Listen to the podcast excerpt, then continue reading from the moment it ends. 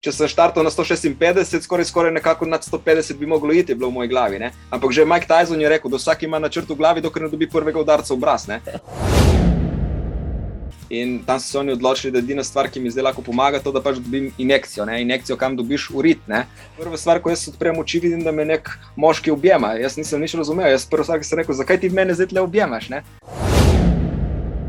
Tako da recept je preprost. Ne? Začneš hitro in končaš še hitreje. Telo ti natreniraš in bo delalo, ne? samo če nima stvari razčiščene. Prvo v glavi, zato da veš, da zmoreš in da sam sebe, svoje telo prisiliš v to, in drugo, moraš imeti neko izjemno željo.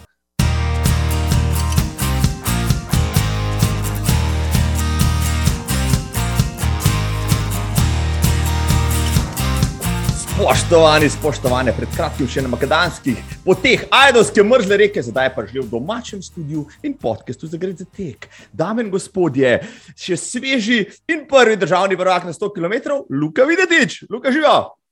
Pozdravljen, Marko. Živijo, pozdravljen. Um, za nas, ki smo mal, manj posvečeni v ultramaratonske zadeve, imaš kaj muskel fibra?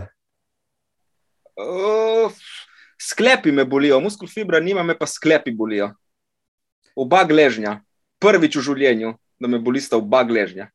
Čemu pripisuješ to nenavadno bolečino? Ne vem.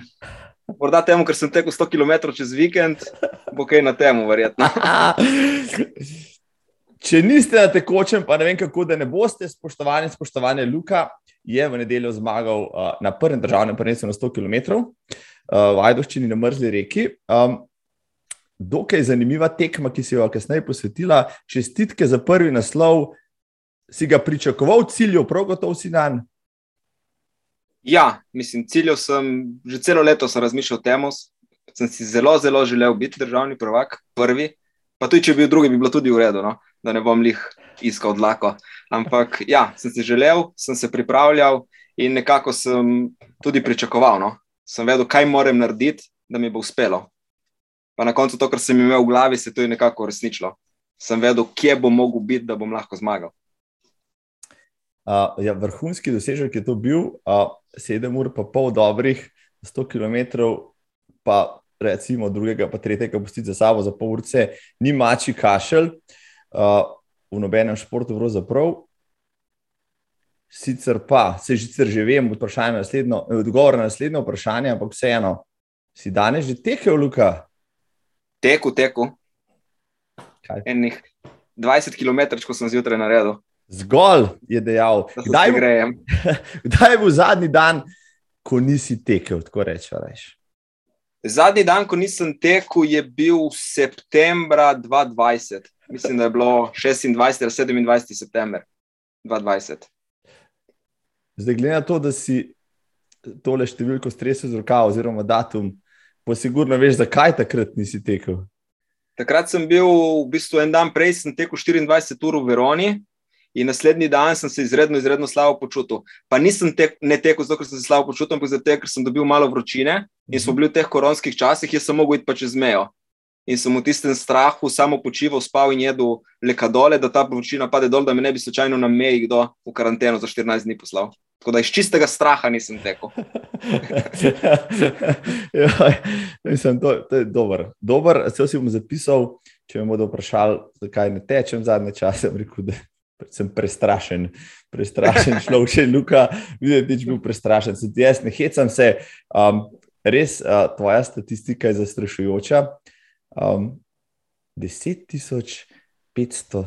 22 km si rekel, stres od kole, sem v te kolani, Je bilo to res, to je bilo lani, je tako? To je bilo točno. Lani je bilo 10.522 točnih, letos je pa 10.000, pa 17, mislim, do danes. No.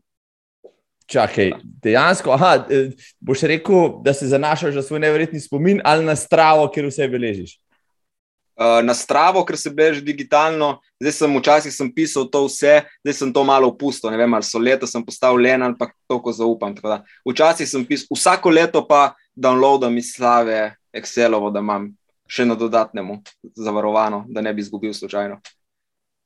Pri 10.000 plus km si prav gotov, slovenec, ki je najviše pozicioniran po kilometrih tekaških v enem letu, ali kako?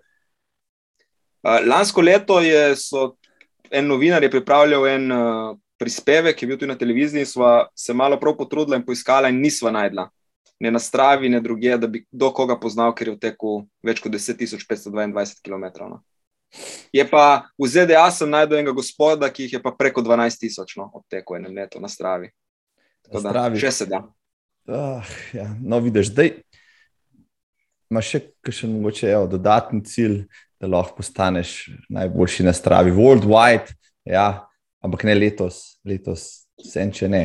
Drugo leto mogoče. A pa bi lahko, 10.000 je veliko kilometrov na let, bog pomaga, to je na hitro, tako le 30 na dan, vsak dan, celo leto, uh, bi jih lahko pa pretekel, vem, 40 na dan, vsak dan, celo leto. Lahko bi, po moje, ampak po moje, že zdaj sem grozno utrujen in sem na meji tega, da sploh funkcioniram v normalnem življenju, glede na to, da moram hoditi v službo, pa imaš kakšno drugo obveznost. Ne? Tako da ta mera 30 na dan je čisto v redu. So sicer obdobje, ko tečem dvakrat na dan, takrat jih je tudi 40 pa 50 na dan, ampak to je 2-3 tedna na leto.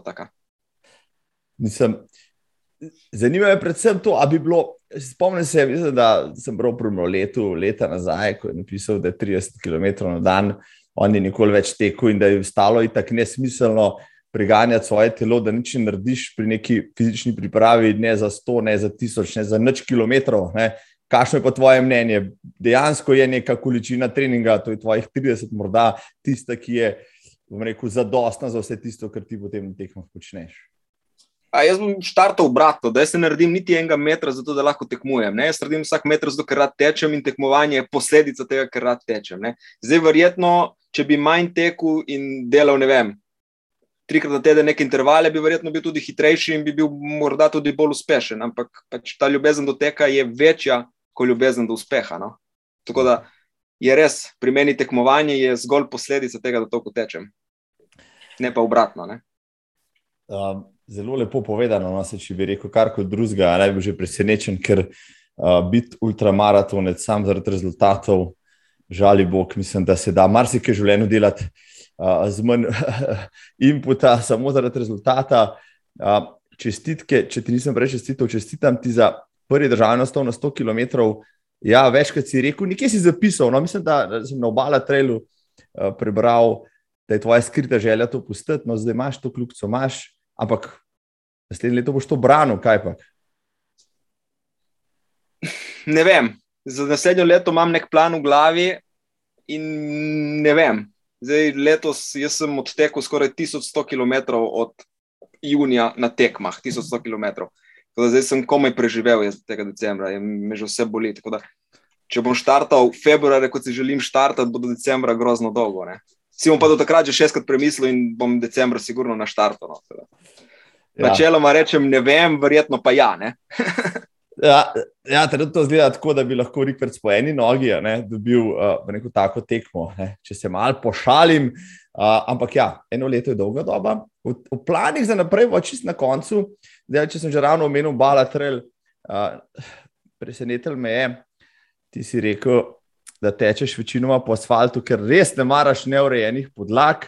No, potem pa vidim za ambasadorja na, na obala trelu, pa sem rekel, zdaj pa so na obala trelu asfaltirali tisto traso, ali pa so ga pač potegnili zraven, ker je res, res uh, poznan, eminenten športnik z tistega konca, ali pa je dejansko šel teč enkrat obala trelu, vsaj po trasi. V bistvu sem jim pomagal pri organizaciji, Uh mhm. -huh. In pol iz tega se je to razvilo, da sem postal nekako ambasador. Na obala trela nisem tekel, ker sem mu isti dan tekel v Zagrebu na 12 urah, tako da sem malo zamenjal. Ampak načeloma pa ja, podpiram in pomagam kot soorganizator vsak tek, no? tudi obala trail, tudi če mi ni to najbolj domače. Je pa res, da ta tek poteka lih okoli mojih poti, tam ker sem doma, tako da poznam vsak centimeter poti. No, no, zdaj smo to dilemo razjasnili. Ja. Uh, Luka Videtič ne bo šel med ultratrelaše, ostaja na cesti. Ne, ne, zagotovo ne. Zaenkrat, če ne, ja. Um, bomo ga poprašali še kdaj kasneje, ko bo on starejši, pa ga bodo gležni bolj boleli, ne hecam se, sej pri trelu teh gležni morda tudi bolijo še bolj. Ampak, evo, začela sva, začela sva z, z, z um, udarno, zdaj uh, spodobi se jim pravično je, da uh, Luko Videtiča, ne za tiste, ki ga tam zunaj še ne poznajo, morda predstaviva tako, kot se spodobi, ampak preden jaz uh, uh, svoje litanije preberem tle, prosim, Luka, sam predstavi sebe. Evo. Uf. Moje ime je Luka, prihajam iz Malije na Dizolo, to je ena majhna vasica, ki gleda dol na Portorož. Uh, načeloma se s tekom ukvarjam celo življenje, tako ali drugače. Tudi če sem prej bil morda v nekih drugih športih, uh, veslav, kolesaril. Tudi nogomet sem izredno rad igral, čeprav ga, nisem, ga ne maram gledati, nisem bil njih najbolj nadarjen za to. Uh, zdaj, zadnjih 17 let, dosti ogromno tečem, zadnje 4 leta pa tudi probam nekaj tekmovati v teh ultraških vodah. Pač, Zaenkrat uspehe imam neke, napredu, napredek pa merim še v urah, tako da gre v pravo smer. No? Da, iz enega teka, druga sem v urah hitrejši. Da, upam, da se bo ta trend nadaljeval. Uh, ja, čeprav, uh, če boš napredoval v urah, ja, posebej na teh krajših razdaljah, boš kmalo v svetovni špici. Uh, kar bo rekel, ali slejko prej, prej sodiš. Ja, No, lepo si, lepo si to povedal. Uh, mogoče uh, še kakšen podatek, ki sem ga tle zabeležil. Povem, uh, drage gledalke in poslušalci, Luka je 37-letnik iz Malije na Dizolo, od 20 let naprej teče. To je njegov način življenja. Kajpak, uh, tedensko vrteče tudi do 300 km na leto. Ste slišali, koliko ne bom ponavljal, ker uh, bom dobil muskel fiber že odgovorjenja v življenju. Je pa je pretekel že več kot 180 tisoč km in maraton nekoč v izjemnem času, 2 uri 37. Komu je to začelo presedati, je šel na daljše razdalje, kot so Spartatlon, pa Ultrabalaton, pa 12 in 14 urne teke. Lansko leto, ja, koronskem letu je bil eden izmed šestki, šestih športnikov leta Mednarodne ultramaratonske zveze, letos pa Eh, na Špartatonu najboljši slovenec in 12. Absolutno je sveži rekorder Slovenije v 12-urnem teku, 143 km je naklepal in seveda že omenjeno prvi državni prvak. Ni pa skrivnost, da cilja tudi na kak svetovni rekord ali mednarodno zmago. Sem se kaj zlagal? Ne, vse drži. svetovni rekord, to me res zanima. Ja, lej, ja, letos, da vas je vrniti uh, majico, imamo slovenskega 12-urnega teka. Evo, za nalož sem dal gor, ker sem bil zraven, tam sem, tam sem spremljal moža v črnem. Aj črna tvoja barva začetek, evo. Ja, ja, mislim, večinoma tečem v črnem, kdaj pa kdaj si privoščim tudi temno sivo. No? Puh, drzni si. Od tenke, tudi če od tenek sive, da gor, luke vidiš, drugače pa v črni, če boš videl moža v črnem, ki, ki zmeraj štarta na polno, to je Luka. No, v Kranju takrat si štartal, kaj pa tudi na polno.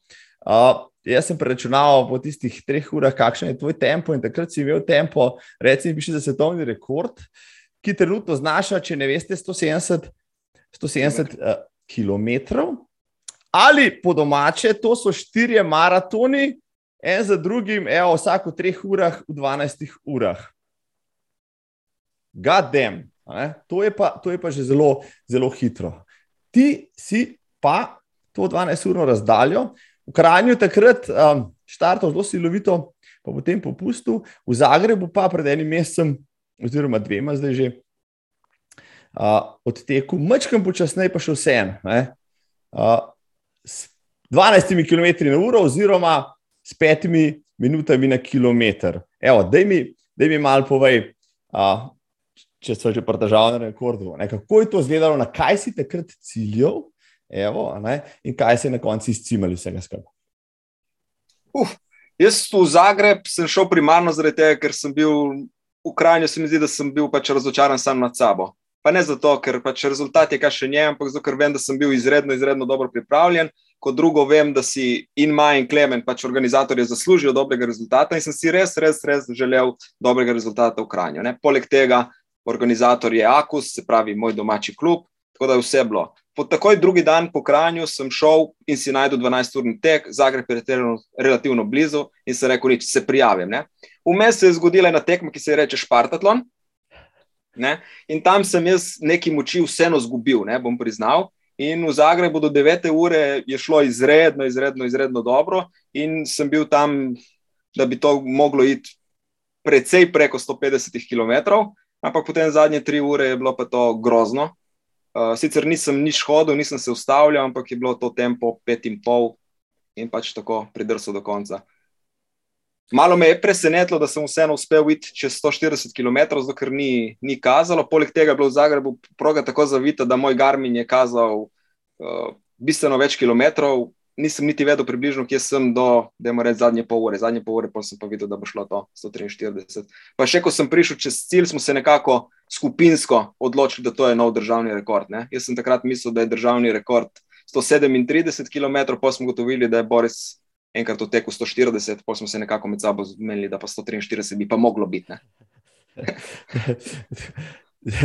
Lepo si to opisal, no zdaj, če posluša kdo, ki je kadarkoli, da je kakšni uradnik pomerjen tekmi preteku več kot 143 km, naj se javi v Roseva. Ja, bo, bo Luka prenesel lento državnega rekorderja, ampak glede na to, da je ta rekord zdaj že star dva meseca, pa da je že sekretarka Akusa Maja uh, Rigač popraševala naokrog, pa se še ni najdel enak. Tako da jaz mislim, da to 43 do nadaljnega bo ostal ta rekord. Ampak zdaj mi hočeš reči, da si že v Kranju konec avgusta na slovenske 12-urnem teku nekako ciljev, da bi lahko tekel, recimo, piše 150 km v 12 urah. Ja, mislim, jaz sem si to želel, tak je bil plan in tako sem bil tudi pripravljen. Verjetno sem bil v Lig za kraj, sem bil najboljši pripravljen letos. Sem prihajal iz ene 24-urne tekme, ki sem jo zelo, zelo solidno odtekel in sem se v bistvu samo še na kraj pripravljal. Ne? Špartatlon sem nekako pozabil, ki sem rekel, da 12 ur v krajnju mi bo samo pomagalo. Sem bil bistveno, bistveno boljše pripravljen kot v Zagrebu in bistveno boljše pripravljen, kot sem bil zdaj prejšnji vikend v Ajdoščini. Tako da krajno stane eno tako razočaranje, ki pač pride, ki je treba pozabiti. Ja, in jaz so v narano dajem s tem, da dam majico gor. Ja, slovenske danes urnega. ne, ne, mislim, sej, jaz, eh, na, koncu, na koncu zmaga vedno najboljši. Oni, ki največ metrov zbere, oni zmaga. Sej, no, sem bil pa Sem pa neskončno zadovoljen, no, da sem, bil, da sem prisostoval uh, tej prireditvi tudi zaradi te dramatičnosti, ki se je dogajala v tem štartu naprej in, in, in, in potem v zadnjih urah. Um, zdaj, uh, da je vas malo sredočen na tvoj tek. No. Jaz te prej nisem uh, uh, živo poznal, nis, niti nisem dobro poznal tvojega teka, malo tvojih rezultatov. Pač, Ampak tisto, kar, kar si tam v Kranju prikazal v prvih urah je bilo res neverjetno. Ne? Še tisti poznavalci, broj, ki so v bistvu zmazovali z glavo, so rekli, človek je res umorilca, ne pokličite v uh, uh, dežurno goro zdravstven dom, da je pripravil rešilca, ker bo slejko prej umrl, pa tvoj v 30 stopinj, ampak ti nisi umrl. Dejansko si štartal, ne bi 4 minute na kilometr, kakšen silovit, silovit, silovit uh, štart. In potem malo prebiramo tebi, pa ugotovim, da pač to je tvoj stil tekmovanja štarte na polno postraje, dokler sajt gre. Ja, mislim, mislim, da moramo vsi štartati korajžno in samozavestno. Uh, ultramaraton je že po naravi tak, da se bo redko najdel junak, ki bo v drugi polovici tekel hitreje kot v prvi. Ne? Tako da si mora zastaviti v glavi nek cilj, ne če bo zgubljal, ampak koliko in kdaj bo začel zgubljati. Uh, jaz sem si zastavil tak tempo in po unem tempu sem računal, da bo to prišlo do 156 km. Jaz to povem direktno, tudi če je bil neuspeh, ampak pač to je bil cilj. Ne? Zdaj, če sem štartal na 156, skoraj, skoraj nekako nad 150 bi moglo iti, bilo v moji glavi. Ne? Ampak že Mike Tyson je rekel, da vsak ima načrt v glavi, dokler ne dobi prvega udarca v obraz. Ne? To se meni zgodilo tam okoli četrte ure. Jaz sem že po četrti uri vedel, da to ne bo šlo in da verjetno tudi ne bom zmagal. Ne?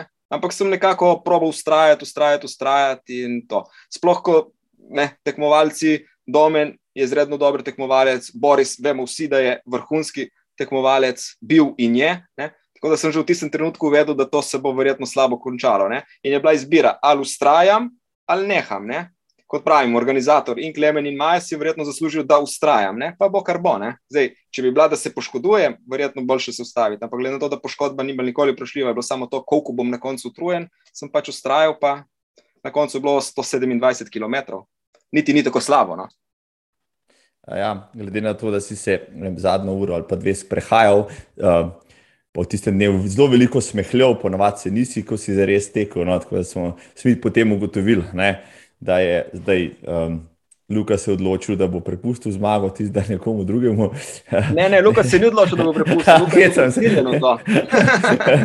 Luka je ugotovil, da pač tisti dan ni dober dan za smrt, oziroma da pač ne more iti z glavo skozi. Um, vseeno, no, zdaj začeti. A bi lahko, recimo, vem, če bi začel še hitreje se skuru še prej. Če bi začel malo počasneje, bi moče del časa zdržal. A to, kar pač si naredil tam v Kranju, štartov 4 minute, 40 na km, bi bil ravno tisti tempo, s katerim bi mogel zdržati tako ali drugače, če bi bil dober dan. Če, bis, jaz sem podobno taktiko sem imel v Zagrebu, sem isto hitro štartal, isto to. In sem pač zgubljal v unih mejah, ki sem si rekel, da bom zgubljal. Zdaj, v Kranju je to po četrti uri šlo vse navzdol, v Zagrebu je šlo po deveti uri, ne? tako da se tudi to se premika. Ne? Zdaj moram še enkrat teč, pa bo verjetno šlo do 12. ure do konca. Da, verjetno, če bi štartal bolj počasi, glede na to, da sem že tekel 24 ur in sem imel tam umestni rezultat 134-135 km, pa sem potem še 12 ur nekako zmogel teč. Verjetno, če bi štartal bolj počasi, bi, bi verjetno tudi prišel čez 130 km, pa bi verjetno tudi se boril do konca za zmago. Ne? Ampak več po vojni smo vsi generali. Ne? Ne, ne, to, ne, da, da pač vržeš uh, rekel, jajce na mizo, pa greš na polno ven. Ne, je bilo res rekel, osvežujoče. Videti posebej na ultramaratonski tekmi, celo maratoncev poznam, pa pol maratoncev še več, ki so predvsem bolj zadržani. No. Ti si vse preko zadržan. Um, zdaj ta tvoj stil, kot si rekel, te kar spremlja, že vso to svojo ultramaratonsko kariero. Kaj pa prej, no, kako?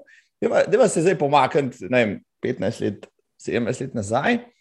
Kaj pa je Luka Videtič prej počel, ali je tudi kaj počel tako obsesivnega in je tek najdel kot alternativo temu, ali je bilo vse skupaj bolj kot ne na ključe, ali pa pač uh, uh, splet spletenih okoliščin, ki so te pripeljali recimo v tek, pa potem v ultre. V tek sem prišel čisto po naključju. No? Tek se mi zdi, da je nek osnovni gradnik življenja ne? In osnovni gradnik bilo katerega športa se lotiš ali kolesariš v nekih določenih trenutkih, ko delaš to bazo, se teče. Če, kot sem veslal, se v nekih teh trenutkih se teče. Tako da to je nek osnovni gradnik športa. Zdaj, v tekmovalni tek sem pa prišel čisto, čisto po naključju. No. Jaz sem pač zato, da sem ohranil neko svojo kondicijo, zato ker sem si želel biti predvsem zdrav. Ne.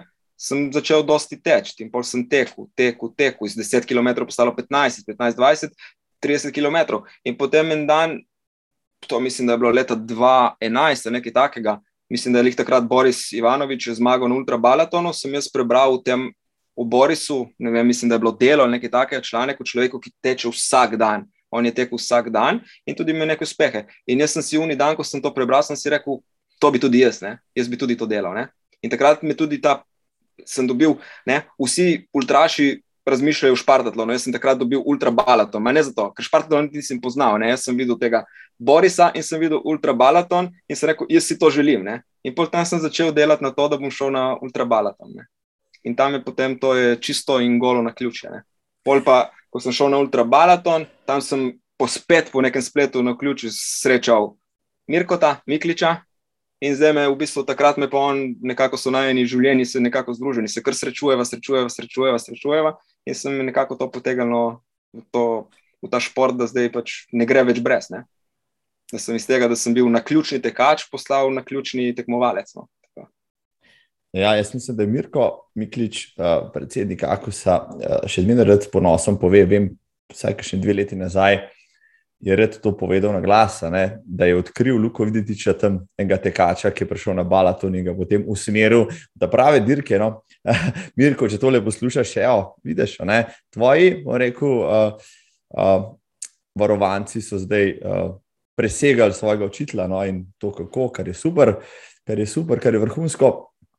Um, Mirko, Mirko je predvsem postal prijatelj in v vsakem primeru mentor. Ne? Mhm. Jaz zdaj ga srečujem na tekmah, jaz sploh ne vem, kako je tekma brez njega. Kamor grem, je Mirko zraven. Mirko zdaj ne samo so tekmovalec ali pa predsednik kluba, ampak je že skoraj kot del moje ekipe. Ne? Jaz si težko predstavljam brez. Ne? Tako da je sigurno več kot predsednik Akosa in je sigurno bil v tem mojem trkaškem življenju velik, velik mentor in velika spodbuda na trenutke. No? Ja, siva eminenca slovenskega ultrateka, spoštovane, spoštovane, zdaj Mirko Miklič, ja, on je količil marsikatero, a, bom rekel, a, zmago, pa uspeh, pa presežek a, novega vala slovenskega ultramaratona, rekel, po letu 2000. No? Ja, in, in se, najbolj svetleča zvezda in ime je danes z mano, Luka Videtič, ki pa je, to moš pa več povedati. Na to me bolj zanima, zdaj še, prijem gremo nazaj v ultre, ne? nekoč v teku maraton 2 uri 37. To pa zdaj, če bi šel letos, recimo, na državno prvenstvo v Ljubljano, bi s tem časom se gladko vrstil vem, med šest ali pa osem, osem tekačev. No, kje in kdaj in kako si natreniral ta rekel, vrhunski, vrhunski rezultat za rekreativca?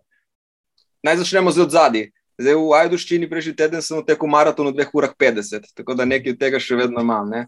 To je bilo zdaj po moje, fu, 2-11, 2-10, nekaj takega. Uh, mislim, da je bil to Berlin, če se ne motim, ja? nekaj, kjer je bilo čisto ravno.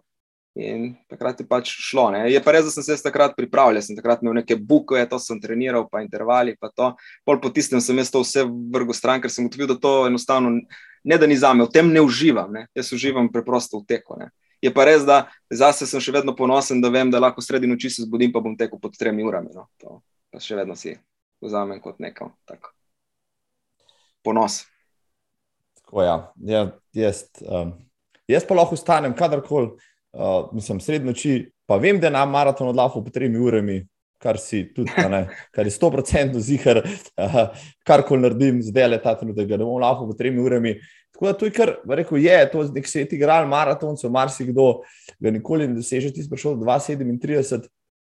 Se pravi, že tam se je pokazalo, da neki talenta to zadevno imaš. No. Ti je kdo takrat rekel, joj, Luka, 32, kaj če bi še malo potreniral, kakšno sezono, pa greš na 32, pa to že nek lep rezultat. Ti je kdo to rekel, kljub temu, da si sam rekel, da morda se tem nisi videl, ampak vseeno, 237 je pa že nekaj, da si potrkaš po prsih. Uf, za moje pojme je bil to moj maksimum, kar sem bil sposoben doseči. Jaz sem Aha, takrat res okay. ogromno nekega časa uložil v to, uh, res treniral, pazil, kaj jem, pazil, koliko spim. Pač res sem se to dal in sem pač to dosegel, ampak nisem čutil neke sreče pri tem. In se mi je res delo, da to je moj maksimum, da karkoli naredim, da lahko dam. Vse vem, da v maratonu ena minuta je ogromno ne, za tekmovalca, ampak mene ena minuta me ni toliko motivirala, da bi bil pripravljen še naprej to delati. Spravim, pol sem pa videl, da ljudje tečejo več in bolj daleč, in sem rekel, uf, mogoče pa to nekaj za me zaprovat. Jaz sem iz teh 42, potem skočil direktno na 221, vmes ni bilo nič. Ne. Ja, statistike, v bistvu maratonske, ultramaratonske, um, ultramaratonske sploh ne, do 2018 ne vodijo imena Luka Videtič nikjer, no potem se pojavi tam na, na Blatnem jezeru, ampak se je rekel, da 2011 si, si v tem prebral, 2018 si se tam pojavil, to bilo sedem let. Kaj si delal v teh sedmih letih? To bil do kilometrino, razmišljal o tem, uh, preizkušal, kaj ti ustreza, koliko kilometrov lahko. Kaj je bilo v tem času? Prvič sem bil na Balatonu leta 2017, uh -huh. tako da tudi ta zgodba se začne z neuspehom. Jaz sem tam, mislim, da na 170 km, ne da nisem mogel več, dobesedno sem obupal. Tam so bile neke nevihte, uh, res grdo vreme je bilo. Jaz sem se usedel tam na eno klopco in sem klical punco, da naj me prosim, pride iskat, sem jih poslal preko Google, samo kje je, in ona sredi noči po nevihti prišla iskat. In jaz sem bil, ko sem končal ta, sem rekel, konec, to je to, jaz se ne grem več tega, jaz sem dobesedno obupal. Ampak potem, že naslednji dan, sem bil še gor na Mačarskem, sem šel na Blatnem jezeru, jaz sem se nekako zjutraj zbudil in sem se že zavedel, super, in sem šel ven. Ne? Pa se neko nič, pa bomo probali še enkrat. Ne? Pa naj povem, da prvič sem šel solo, se pravi, brez spremljevalne ekipe in ni šlo, in potem drugo leto mi je bilo to izziv. Ne? Tako da tudi drugo leto je v bistvu bilo to brez spremljevalne ekipe, zato meni solo, ne? da sem šel, tekel in končal. Ne? Sem pa potem ugotovil, da, je, da meni se je to zdelo nekaj romantičnega, takrat sem potem ugotovil, da to je predvsem nekaj grozno neumnega. Ne? Zakaj? Mislim, človek ne vzame vso pomoč, ki mu je na voljo, ne pa da se sili neki z glavo skozi zid. Ne. Jaz sem takrat videl neko romantiko v tem, da grem sam. Izkušnja je bila čudovita, ampak jo ne bom ponovil nikoli več. Asketski ultramaratoni, jaz sem oče za knjige, potem ne, ne pa za prakticirati. Bravo. Um, Vse ne moreš pa zdaj več povedati. No, za maraton, ok, treniraš 100 km na teden, ajde. Ne. To vsak od nas, ki ima dve nogi, pa, pa še približen uh, dober želodec, pa jedra. Uh, lahko recimo na treniral v enem letu, ampak okay, kako si pa zdaj začel trenirati za, za 200, 220 km? Koliko, si, koliko kilometrov si pa takrat na klepu, če zadnja leta klepaš po vem, 10 na leto, 10 tisoč, kaj si pa takrat počel do balatona?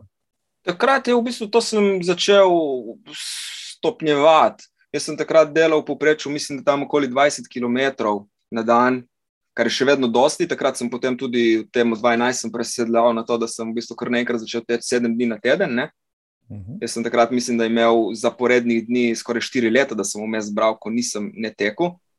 Uh, in počasi, počasi, počasi gradil to. Zdaj ta res. Uh, uh, Še pred unim 2017 balatom, mislim, da sem celo v enem letu naredil več kot uh, 11.000 km.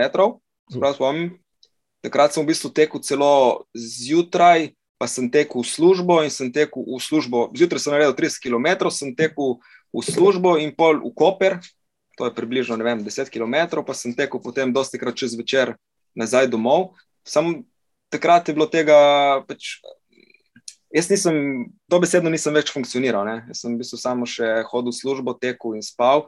In pol sem naslednjo leto sem pač malo to zmanjšal. In ko sem samo za malenkost zmanjšal, je bilo kar naenkrat se stvari poklopile in so tudi pač zmogel potem te 200 km teč.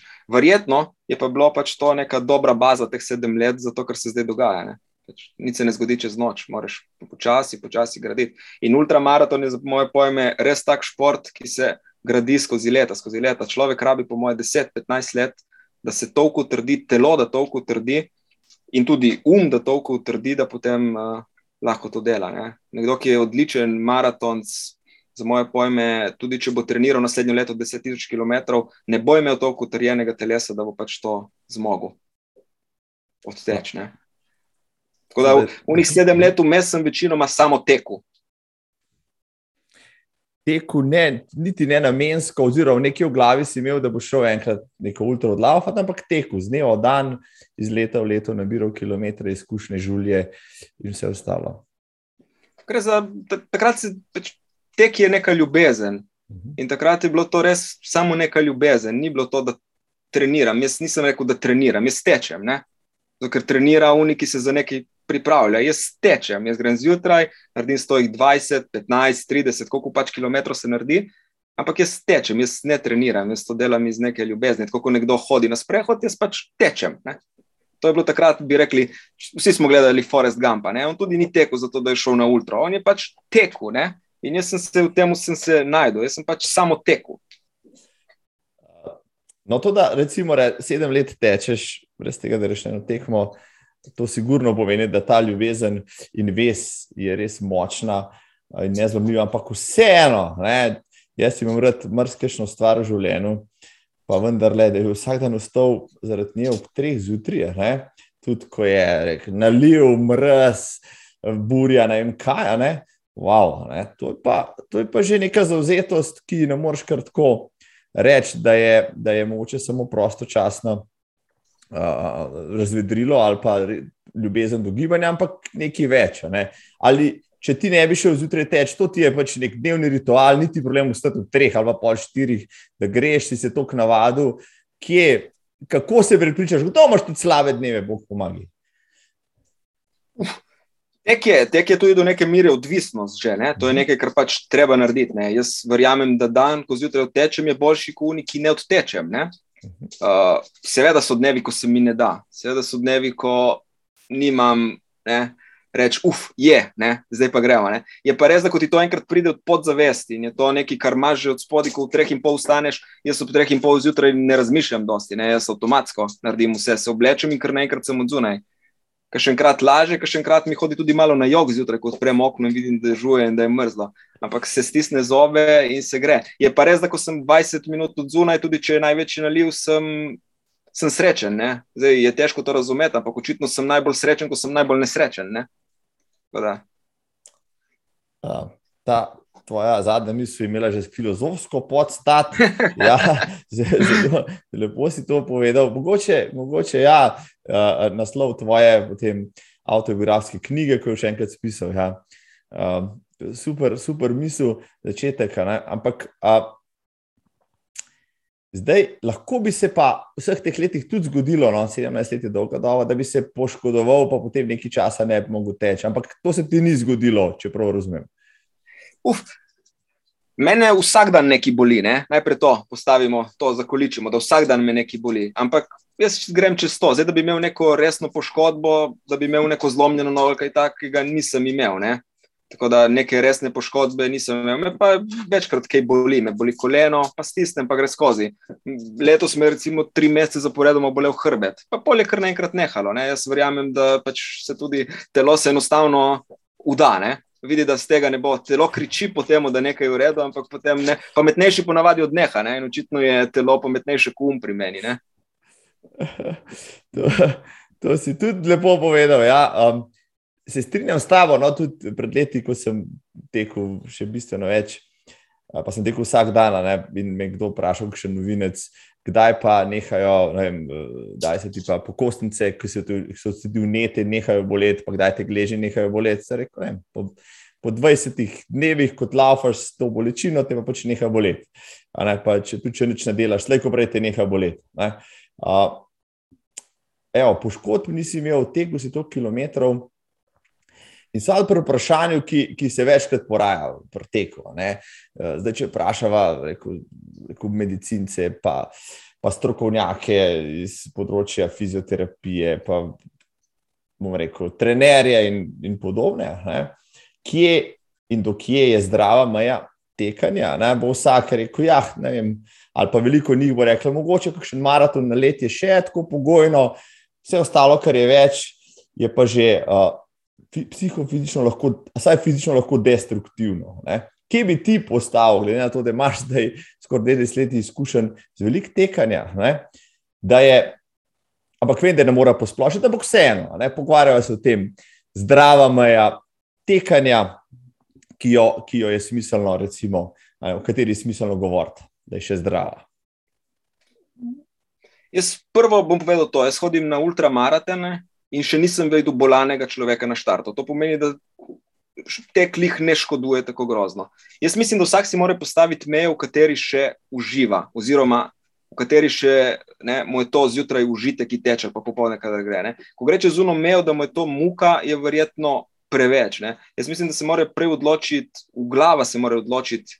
Telo bo že sledilo glavi. Ne? Jaz mislim, da telesa so brezmejna, telesa se naučijo. Telesa so to je kot stroj, bi rekel. Jaz, mišice se naučijo, ti mišice skozi leta nekih gibov jo naučiš, kaj one more delati. Ne? Jaz mislim, da je prej vse v glavi. Ne? Jaz s trenerji imam tudi take mešane občutke, zaradi tega, ker jaz sem si že probal najti tudi neko trenersko pomoč in se vedno se nekje. Ne strinjamo, ko jaz jim povem, da tečem 220 km na teden. Tam je pač vedno, oni bi, da bi jaz tekel 100, jaz pa sem rekel, da, da ne, da zato, da bom mogoče 10 sekund hitrejši, se ne bom odrekel toliko teka, zato ker tek imam rad. Ne? Tako da jaz mislim, da telo nima meje, mora pa vsak ugotoviti, do katere meje še uh, uživa. Jaz ne zagovarjam tega, da vsak teče 30 km na dan, ne? zato ker nekomu je dovolj 5 km na dan, da ga usreči, da se počuti zdravega. In verjetno za neko normalno rekreacijo je tudi 50 km na teden tudi čisto dovolj, če človek hoče ohranjati in biti zdrav. Ne? Zdaj, če nekdo hoče preteči špartatlon, pa verjetno ne, bo mogel teg vsaj kakšen mesec teh 200 km delati na teden, ker drugače enostavno ne bo šlo, ker telo treba na to navaditi. Ne. No, ja, nekaj se že razčistila, ne? to zadevno. Ja. Za tiste, ki se sprašujejo, pravi so to neko rekreativni tekači, ki so jim 200 km razdalje na teden, pač uh, nedoumljive, ne? kako je to lahko še možno ali pa zdravo. No, ampak to, kot si rekel, pojmo pogledati na štart, kaj še na ultramaratona. Pa poglejmo vitalne, pa, pa, pa zdravstvene kartone teh ljudi, pa primerjamo s običajno populacijo, pa bomo videli, kje smo. Um, jaz sem, jaz sem, mene je zdaj recimo izredno srečno, zdaj sem gledal ta maraton v Valenciji, Neo Kršinar, kako je tekla. In jaz sem potem zasledil, da ona tudi teče 170 km na teden. Ne? Pa ne zgleda bolana, ne zgleda nezdrava, čisto v redu zgleda, celo lušna je, ne? ni noben problem v tem. Tako da tudi punci 170 km očitno ne škodi. Ne? In se tudi vidi, da nek uspeh ima. Ne? Jaz pa tudi, glede na to, da je tekačica in da že celo življenje teče, si predstavljam, da je tudi to srečuje. Tako da za njo je očitno 170 km tudi prava mira. Ne? Pa ne gre na ultra, ne? teče 42 km. Ne? No, evo, to, to si lepo povedal. Ja. V bistvu je cel kup lohenih parametrov, o katerih se pogovarjamo. Ne. Če že določamo zdravje, ne samo, ne samo v nekih splošnih postulatih, ki nič ne pomenijo, pa so na papirju zapisani. To je res, ja, mogoče komu res ustreza. Ne, sem se pogovarjal že več ultraši v tej, v tej oddaji, tudi z Mirkom Mikličem, pa špelo šaus in podobnimi, ki na teden pretečejo 200 plus km, pa so delač od tega, da bi imeli zaradi tega kakšne zdravstvene težave. Ampak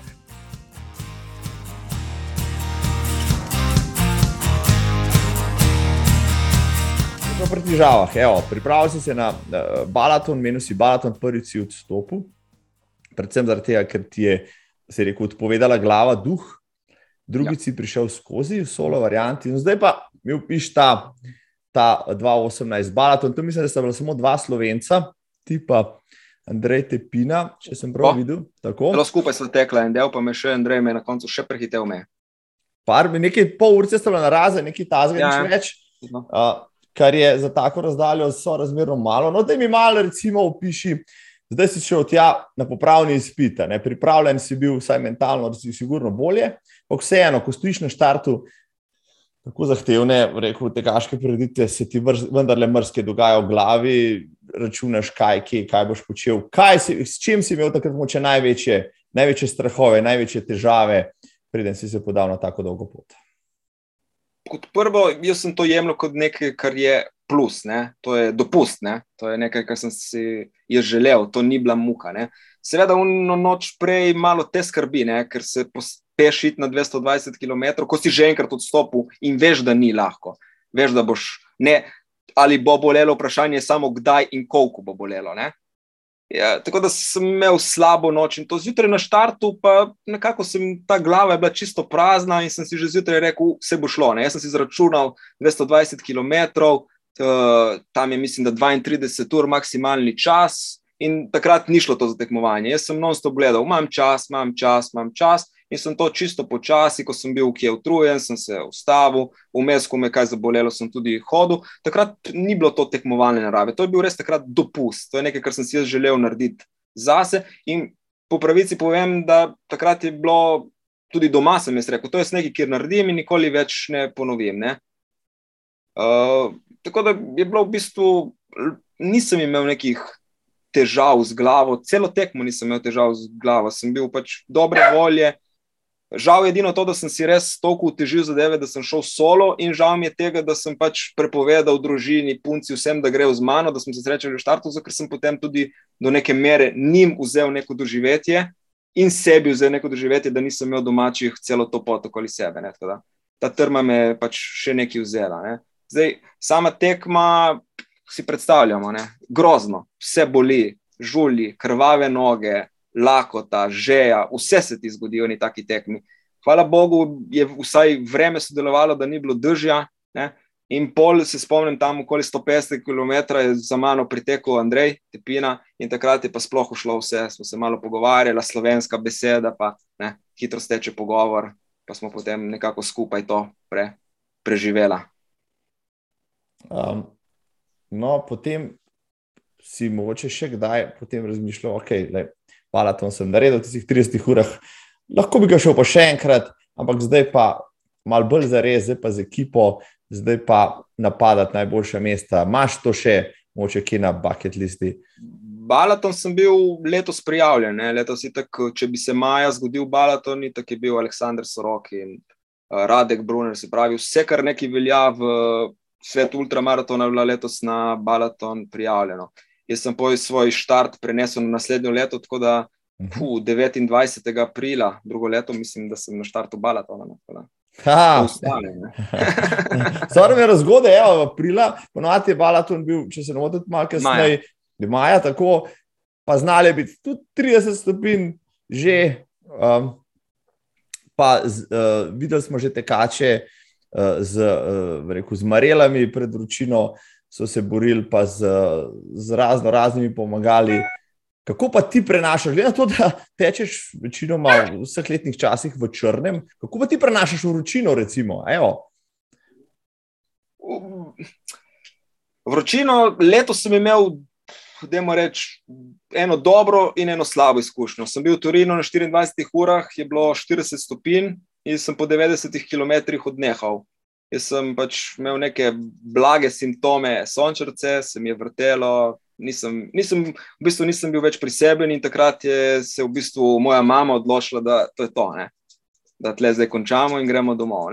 Potem sem pa čez en mesec bil v Avstriji, ki je bilo spet 35, 36 stopinj čez dan, pa sem to kar preživel. Je pa res, da sem taktiko izredno spremenil. Ne? Prvo, svoje ambicije za rezultat sem primerno zmanjšal, in drugo, čez dan, ko je bilo najbolj toplo, sem se odločil, da sem se vsako uro ustavljal, tudi po pet minut, da sem se hladil in pol po noči sem pa začel nek svoj tempo dati. Ne. Da, z vročino se moraš spopasti, in predvsem pa moraš biti toliko ne, inteligenten, bom rekel, da veš, da pri 40 stopinjah ne moreš doseči takega rezultata kot pri 20, in temu primerno moraš vso svojo taktiko spremeniti. Ne. Da, vročina je za moje pojme ena od glavnih uvir za ultramaratonce. Ne. Ker to ni vročina, da si pol ure ali pa da si dve ure, kot ne moreš reči pri nekem maratonu ali pa tri ure na soncu, to pomeni, da si 12 ur v soncu in to lahko prinese tudi neke ne, hude zdravstvene težave, če nisi pozoren. Ne.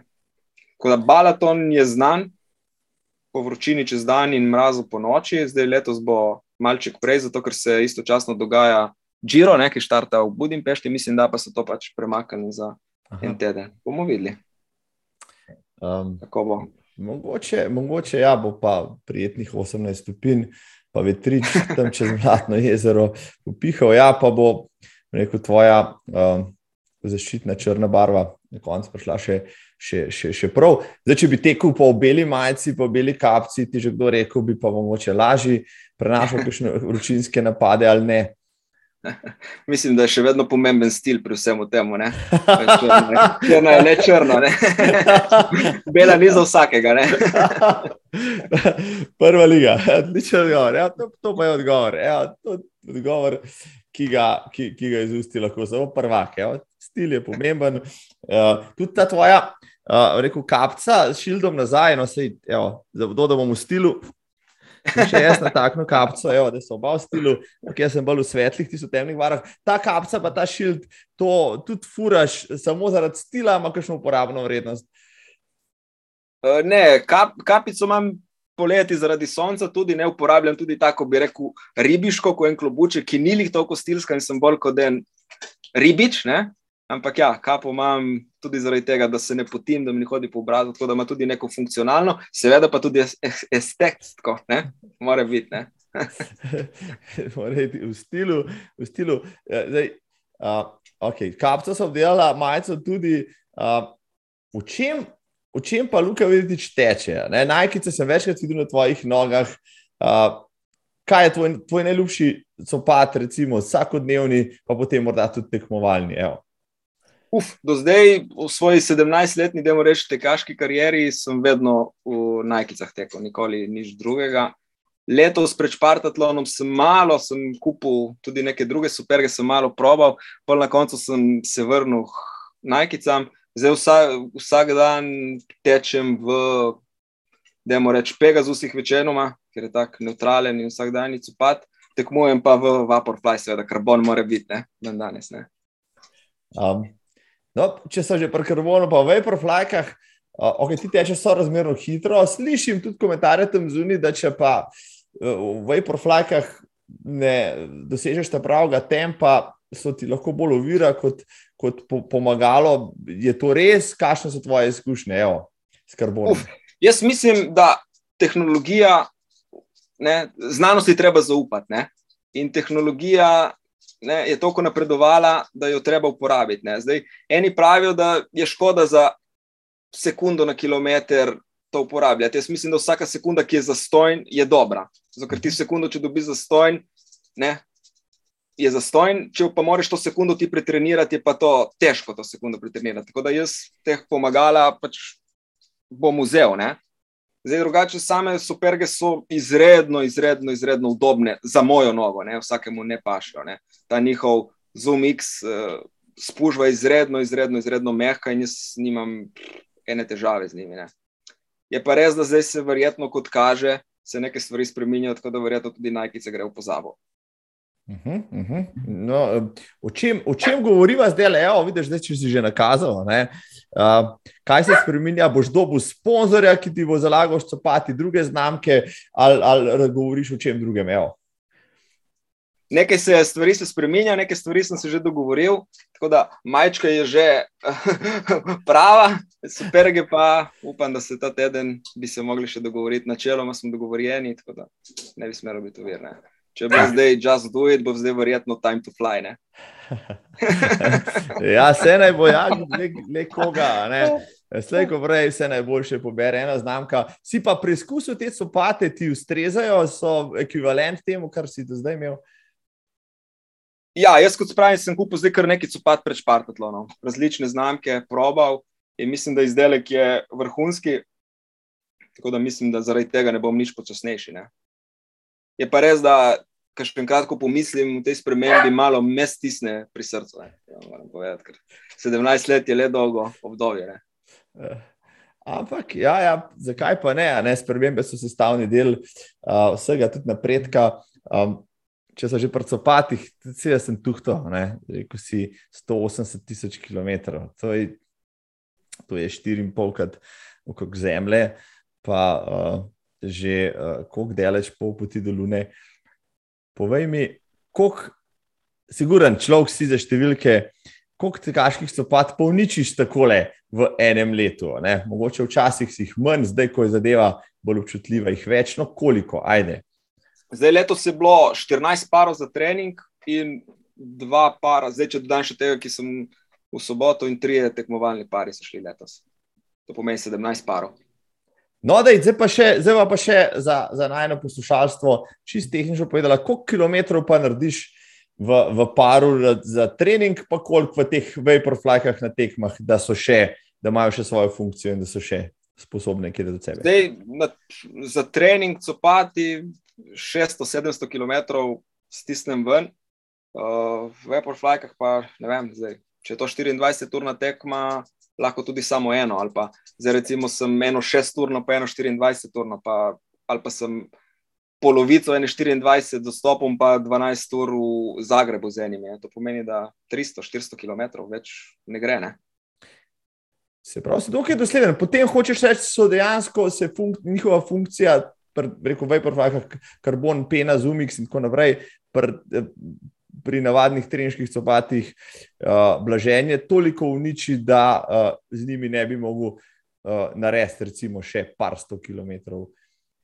Jaz mislim, da predvsem pri Nike je nekdo zelo, zelo inteligenten in marketinško usmerjen, zato ker enostavno zmanjka gume. Niti ni problem, da so one dolge, ampak enostavno ni dovolj gume, da bi človek še več naredil. Ne? Oni dajo 3 mm gume in to enostavno tako naredi. Ne? Če bi oni dali na mesto 3-7, bi verjetno še 100-200 km uspeli potegniti ven. ja, to je to. to direktno si povedal, tako kar je najbrž res. Ja. Um, poznam veliko, tudi kar še ga vprašam ki je bolj šparovne sorte, pa drgne rekel, svoje copate tudi 2000 km ali pa jih hoče v Hofer kupovati. Uh, zdaj, ne brž si probal tudi kakšne, bom rekel, bolj enostavne copate, uh, saj za trening, tudi morda iz vidika, da kaj prehraniš na tem, pa gotovo, da morda to ni pametno ali kako. Pravim, vsakodnevni copati imam jaz večinoma Pegasus, kar so v bistvu cenovno, da moramo reči, dostopne superge. To je pač tudi, da moramo reči, na spodnji del te njihove cenovne lestvice, ki jo imajo. Jaz sem z njimi izredno zadovoljen. Prvo, zato ker imajo dosti gume, se naredi dosti kilometrov in so od spredaj precej široke in so izredno dobne. Ne? Tako da jaz mislim, da za trening. Ne rabiš trenirati v karbonu. Ne? Je pa res, da če delaš še hitrejši trening, jaz sem izredno rad tempo teke. To so tempo teki 30, 40, 50 km na naši bonifiki v Kopru. Takrat tudi obujem vaporflake. Prvo, da navadim mnogo na to, in drugo, zato, ker je občutek vseeno različen. No. Jaz ne vem, kako bi to opisal nekomu, ki ni probal, ampak če človek proba, ugotovi, da, da je drugo. Da, je, da, da to, kar oni pravijo, da je človek res hitrejši, res je, se pozna. Um, kar nekaj, rekel tekačev, ljudi, prijateljev, znancev, me je pripričval, da moram to probati. No, zdaj sem se pustil pripričati, Luko, videti, ču, da bom nekje zvohal ene vaporflake, pa jih probal na enem tempu teku. Ne bo dolg to 30, 40, 50 km, ker to za meni tempo tek, ampak samo mor. Uh, kako pa, če si rekel tempo tek? Kako pa zgleda tempo tek, da 30 ali 40 km, kako hitro to tečeš? No, daj mi boj. Evo. Če je to 30-45 km, ko se nekje pripravljam, zdaj recimo pred, pred Ajdoščino, se nisem počutil najboljše, je bil to en 30 km tek in dva teka, dvakrat po 15 km, in to je bil tempo tam okoli med 40 in 24 na km. Ja. Je pa res, da sem recimo pred Kranjem tudi 50 km uspel narediti pri 4-0. Brez da sem tako. Pač. To je nek tempo. Je pa to tudi moj najljubši trening. Ne? Jaz grem izredno rad na Bonifiko v nedeljo zjutraj po soboto in tam tečem v krogu, tam je načeloma trenirajo, dosti triatloncev, je pa potem, da me ne tri, štiri skupine v noč jutro skozi, ko oni trenirajo, ne? mi delajo družbo. v bistvu, ko en klub naredi trening, vseh 20 triatloncev se zmenja, Luka zaključi svoj 50-km tempo tek, ja, 4 minute za kilometr. Evo, tako da V redu je. Tako, če, če, bi kdo, če bi se kdo želel pridružiti na tem poteku, se pravi, mora biti uh, ne samo vzdržljiv, nisem ne samo hiter, tudi vzdržljiv, očitno. Ja. Ja, mislim, jaz teh prostovoljcev nimam dosti, ker jaz večinoma svoje treninge upravljam sam in upravljam jih uh, večinoma ob treh zjutraj. Ne? Tako da Jaz vsakeč, ko me kdo kaj vpraša, da če lahko z mano tečemo, rečem, da jaz v treh eh, in pol med štiro sem od zunaj in da vsak, ki se mi pridruži, dobrodošel. Ma. Zdaj v teh zadnjih štirih letih še nisem srečal. še nisem imel družbe, no tako bom rekel. No, ja, zdaj le javni poziv, če res, če ima kdo težave z, z nespečnostjo, evo, imamo rešitev, pa jo ne bo več. Kmalo noč, če so pri nespečnosti, pa če v treh zjutraj vstaješ, kdaj za vraga greš potem spat, da dobiš svojo dozo spanca? Ma jaz v bistvu, ko pridem domov, da moram reči po celem dnevu, vsak popoldne, jaz eno uro 9 tudi zaspim. To pomeni, da se potem zbudim, ko je ura 7, 7 pa kaj, še dve ure uh, sem živ, bi rekel, pa potem ponavadi ob 10, 10 in pol se pač vaja ponovi, pademo v drugo komo. Tako da v bistvu moj dan je, vsak moj dan je za dva, ne? dvakrat zbudim in grem dvakrat spat, skoraj.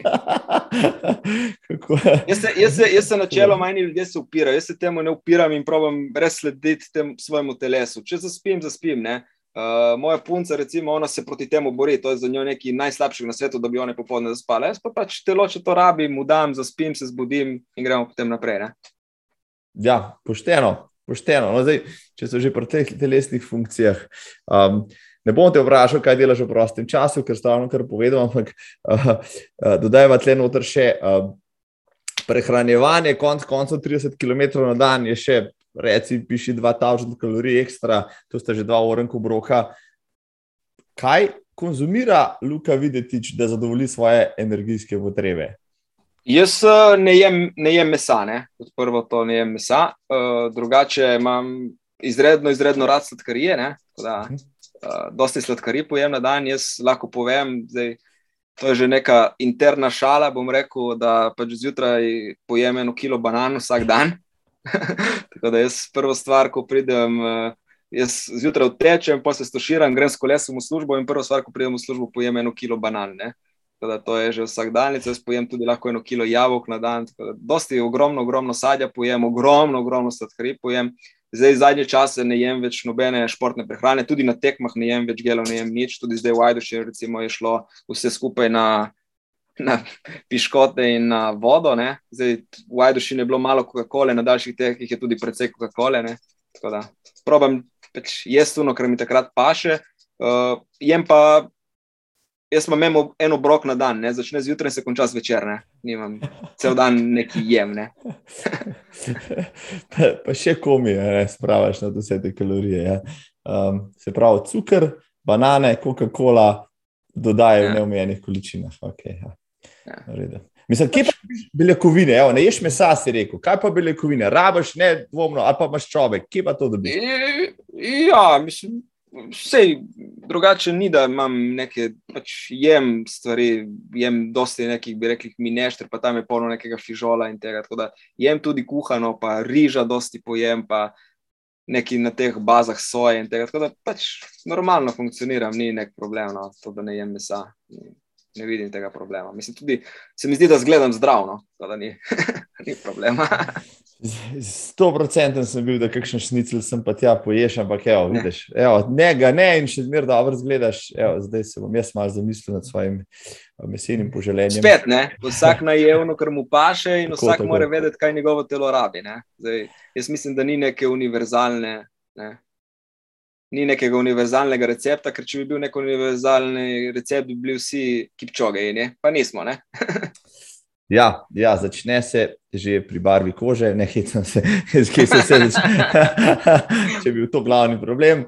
Um, Obdelala so balaton, ja, v evoluciji vsakega ultratekača, potem nastopi še kraljevska disciplina. Nekateri pravijo, uh, najboljši, najznamenitejši, najtežji ultramaraton na svetu, uh, Špartatlon. In tako kot na balatonu, si tudi tu naredil najprej en poskus, potem pa šel za res, kako, malo se heca. Ampak da mi povej, kaj je bilo, 2018 si uspešno naredil kljubco Balaton, kvalifikacija za Špartlon je to bila, 2019 si bil na štartu v, v Atenah.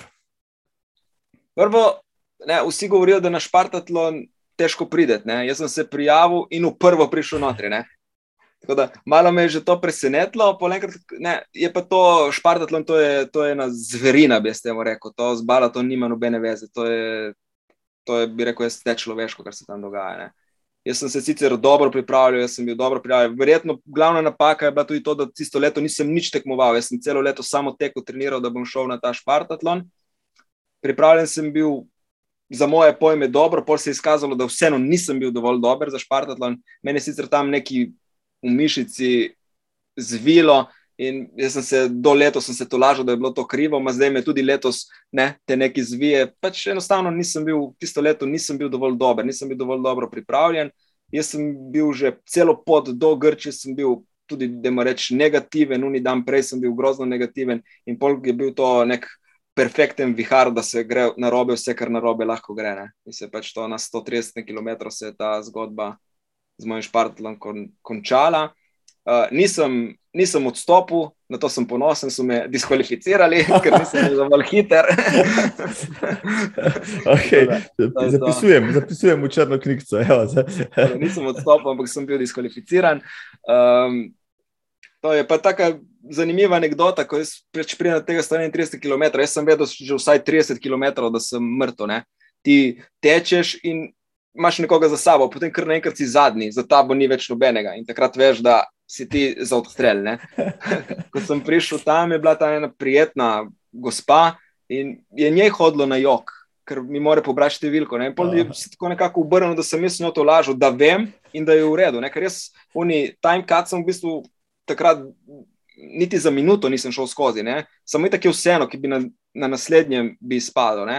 In pač tudi ta odstop na Špartatlonu je do neke mere neko posebno doživetje. Zato, ker neko bi rekel, oni so izredno, izredno, izredno spoštljivi, tudi če odstopiš. Ne? Ona mi je pobrala številko, ne gospod je rekel, se moram usesti, me je on se zudil, mi je pobral dol čip.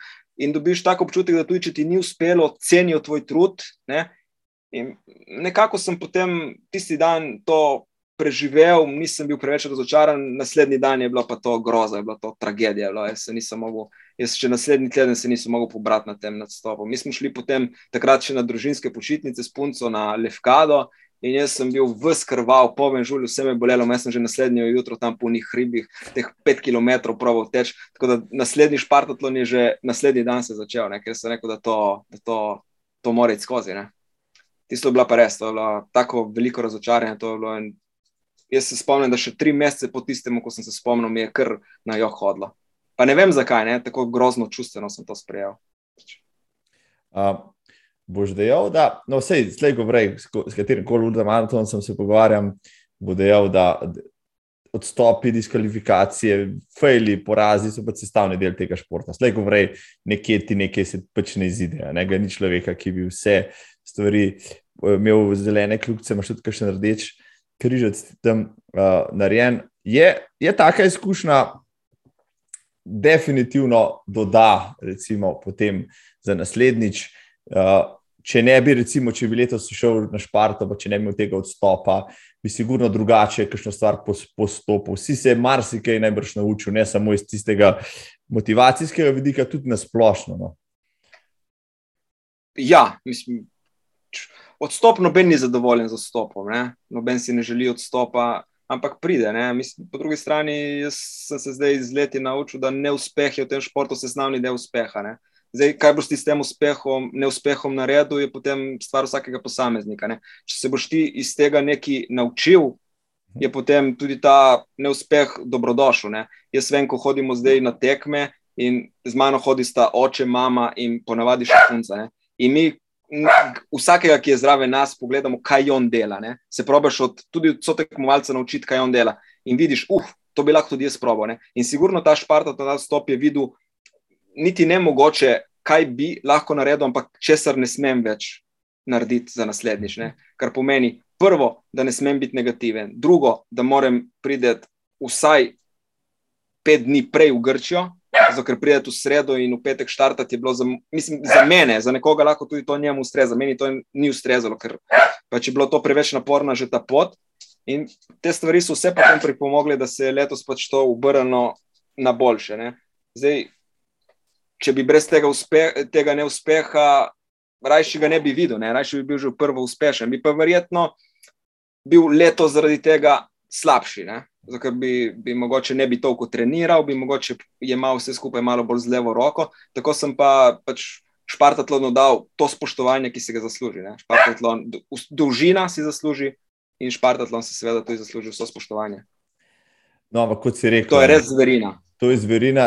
Brez drame ne gre, no sem bral tisto poročilo po tvoji dirki, uh, kaj se ti na Sangasu dogaja, ali pa pol tisto tisto deset km pred ciljem, ko si tam obstal, da mi malo popiš te nenavadne uh, uh, stvari, ki so se ti dogajale, ki jih nekdo, ki pač ni tam, niti ne more, recimo, ozavestiti, pa se jih predstavljati. Zdaj, mi letos smo imeli to srečo, da, se, da smo na Špartu tudi snemali dokumentarec. Dokumentarec bo 26.12. na TV Slovenija 2 ob 6. Tako da, če kdo hoče, lahko pogleda. In tam so ujeli vse moje najslabše trenutke, tako da se bo videlo to dramo tudi v živo. No. Jaz, kot prvo, jaz sem poznal pot do 130 km. Vse od 130 km jaz nisem poznal. To je za Špartatlon 2024. Ne. Imamo še kakšno kljukico za narediti, kaj bi še bi bilo potrebno narediti. Uh, jaz sem prišel na goro še pred polnočjo, kar je izredno, izredno, izredno dobro. Ne. In jaz, ko sem prišel na vrh gore, sem mislil, da je ta težji del za mano. Ne. Polje pa dol ta, za moje pojme, brutalen spust. Ne. Jaz sem v prvih desetih metrih dvakrat padel. Ne. In ko sem jaz dvakrat padel, je meni je čisto padla samozavest. In kar je za me neznačilno, ne, sem postal previden. Ne. Jaz drugače grem vedno z glavo skozi zid in nisem previden tekač. In, in takrat je, po moje, tudi po teh dveh palcih, je bila ta želja, da, da špartato končam, večja kot želja po tem, da naredim vrhunski rezultat. Ne. Če jaz sem pač malo si pogledal statistiko, čeprav sem rekel, da ne bom, ampak pol me vseeno po kakšnem mesecu premalo. Jaz sem rabo za te, ne vem kaj, tri km iz hriba dolje, sem rabo več kot eno uro. Zmagovalec je rabo 17 minut. Ne. Da to ti pove, s kakšnim tempom sem šel jaz dol. Jaz bi verjetno po rokah prišel hitreje danes. Dol, ampak meni je to pobralo ogromno samozavesti in je šlo izredno, izredno previdno. Tam, zdaj ne vem, meni je takrat začelo boleti koleno, pa tle gleže. Zdaj ne vem, ali je to bilo povezano s pacem ali je to bilo pač povezano s tem naporom. Uh, sicer polje še kar, kar šlo, polje je bilo malo drame, da je moreč, ko priješ po tega prelaza, je čista noč, jaz tam nisem nič poznal, jaz sem se kar naenkrat tam uh, zgubljal. Ker če sem jaz bil na levi strani ceste, je bila oznaka na desni, če sem šel na desno, je bilo na levi. Potem so bila, hvala Bogu, z mano še, da je moreč, tri taki siromaki, kot jaz, ki so bili prvič. Ne?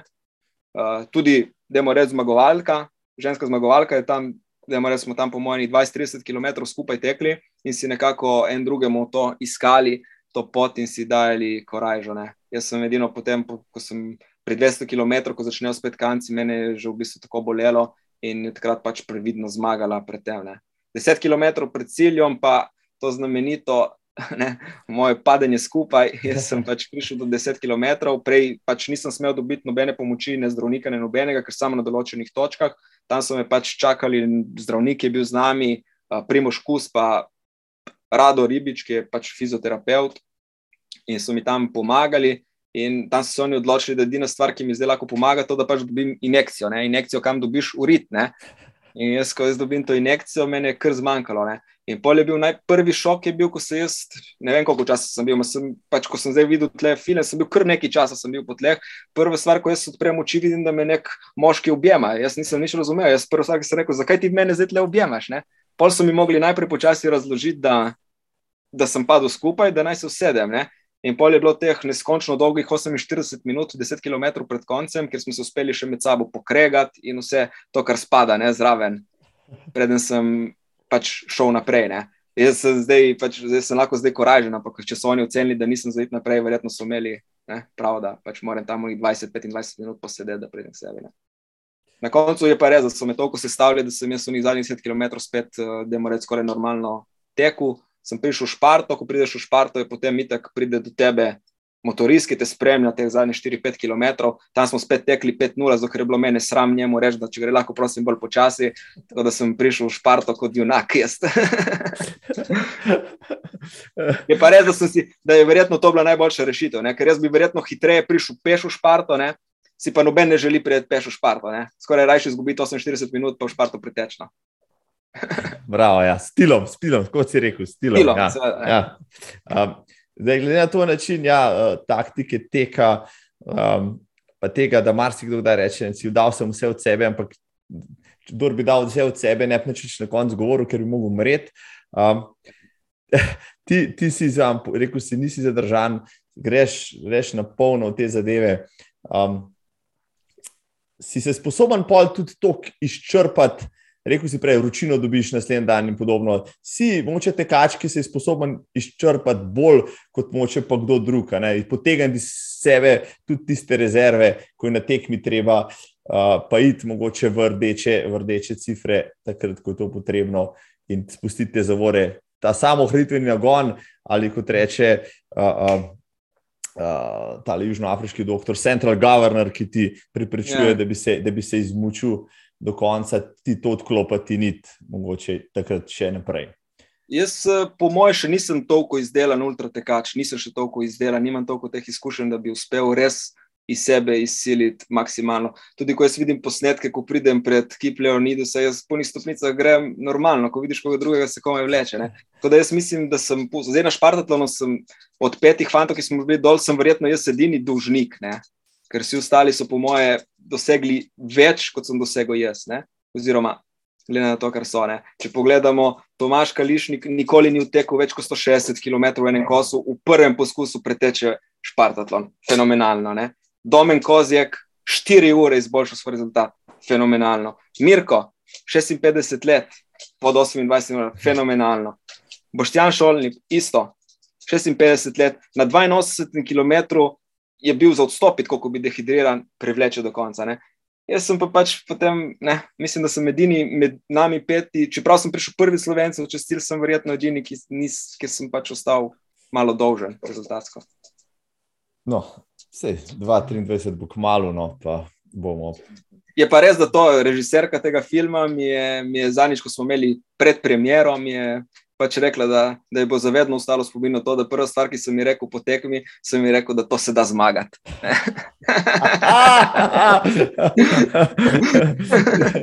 no, evo, če, če je pa kaj, ne, uh, smo pa prav veseli tega. Niso vsi tekači tam zunaj preveč skromni, mogoče včasih uh, tudi lažno skromni. Evo, ti, sigurno nisi ti, ti greš direkt, kot si rekel, iz prve, izstreliš tisto, kar želiš.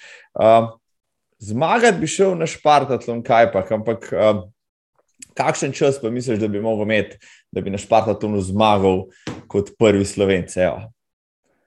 Jaz sem, jaz sem že tako za letos, ko sem tako malo preštel te svoje dogodivščine, pa vem, da to, ne, to je spet ne, biti general po bitki. Ampak jaz mislim, da sem sposoben bil že letos teč blizu 24 ur. Ne. Spet -huh. v idealnih pogojih, da mi gre vse po maslu in to. Ne. Jaz mislim, da za zmago odvisno od leta, ne? ampak načeloma 23 ur je za zmago na Špartatlonu že dovolj. Ne? Zato pa tudi drugo leto ne gre na Špartatlon, šel 2-23, da še malo potreniramo. A, ja, se je simbolika, mora biti. Ja, leto 23, 23 ur lete. Ja, to to. Če čisto ja. realno pogledamo, ne, je, je večja verjetnost, da jaz zmagam Špartatlon, kot da poprečen slovenec zadene na loteriji. Ne? Pa vseeno igrajo loterijo. Jaz se vsaj s tem to lažem, da verjetnost, da zmagaš Špartatlon je večja. Ne? Logika, ki ne moreš oporekati, ja, spoštovani, spoštovani. Evo, če ste se kdaj mislili, da okay, ne morete, evo, se pogrejte z vrednostnim računom, da, da lahko. Tako da konec septembra 2023 vemo, kaj bomo počeli. Tiste CP-je na Špartatlon spletni strani bomo refreshali, pa gledali, koliko po 30 urami bo Luka videti, če prelafo v cilj. Ja, pa pa upam, da lahko tudi hodiš, pa, le, če boš zmagal, pa lahko hodiš zadnje 4 km. No. To ti bo pa vprašeno.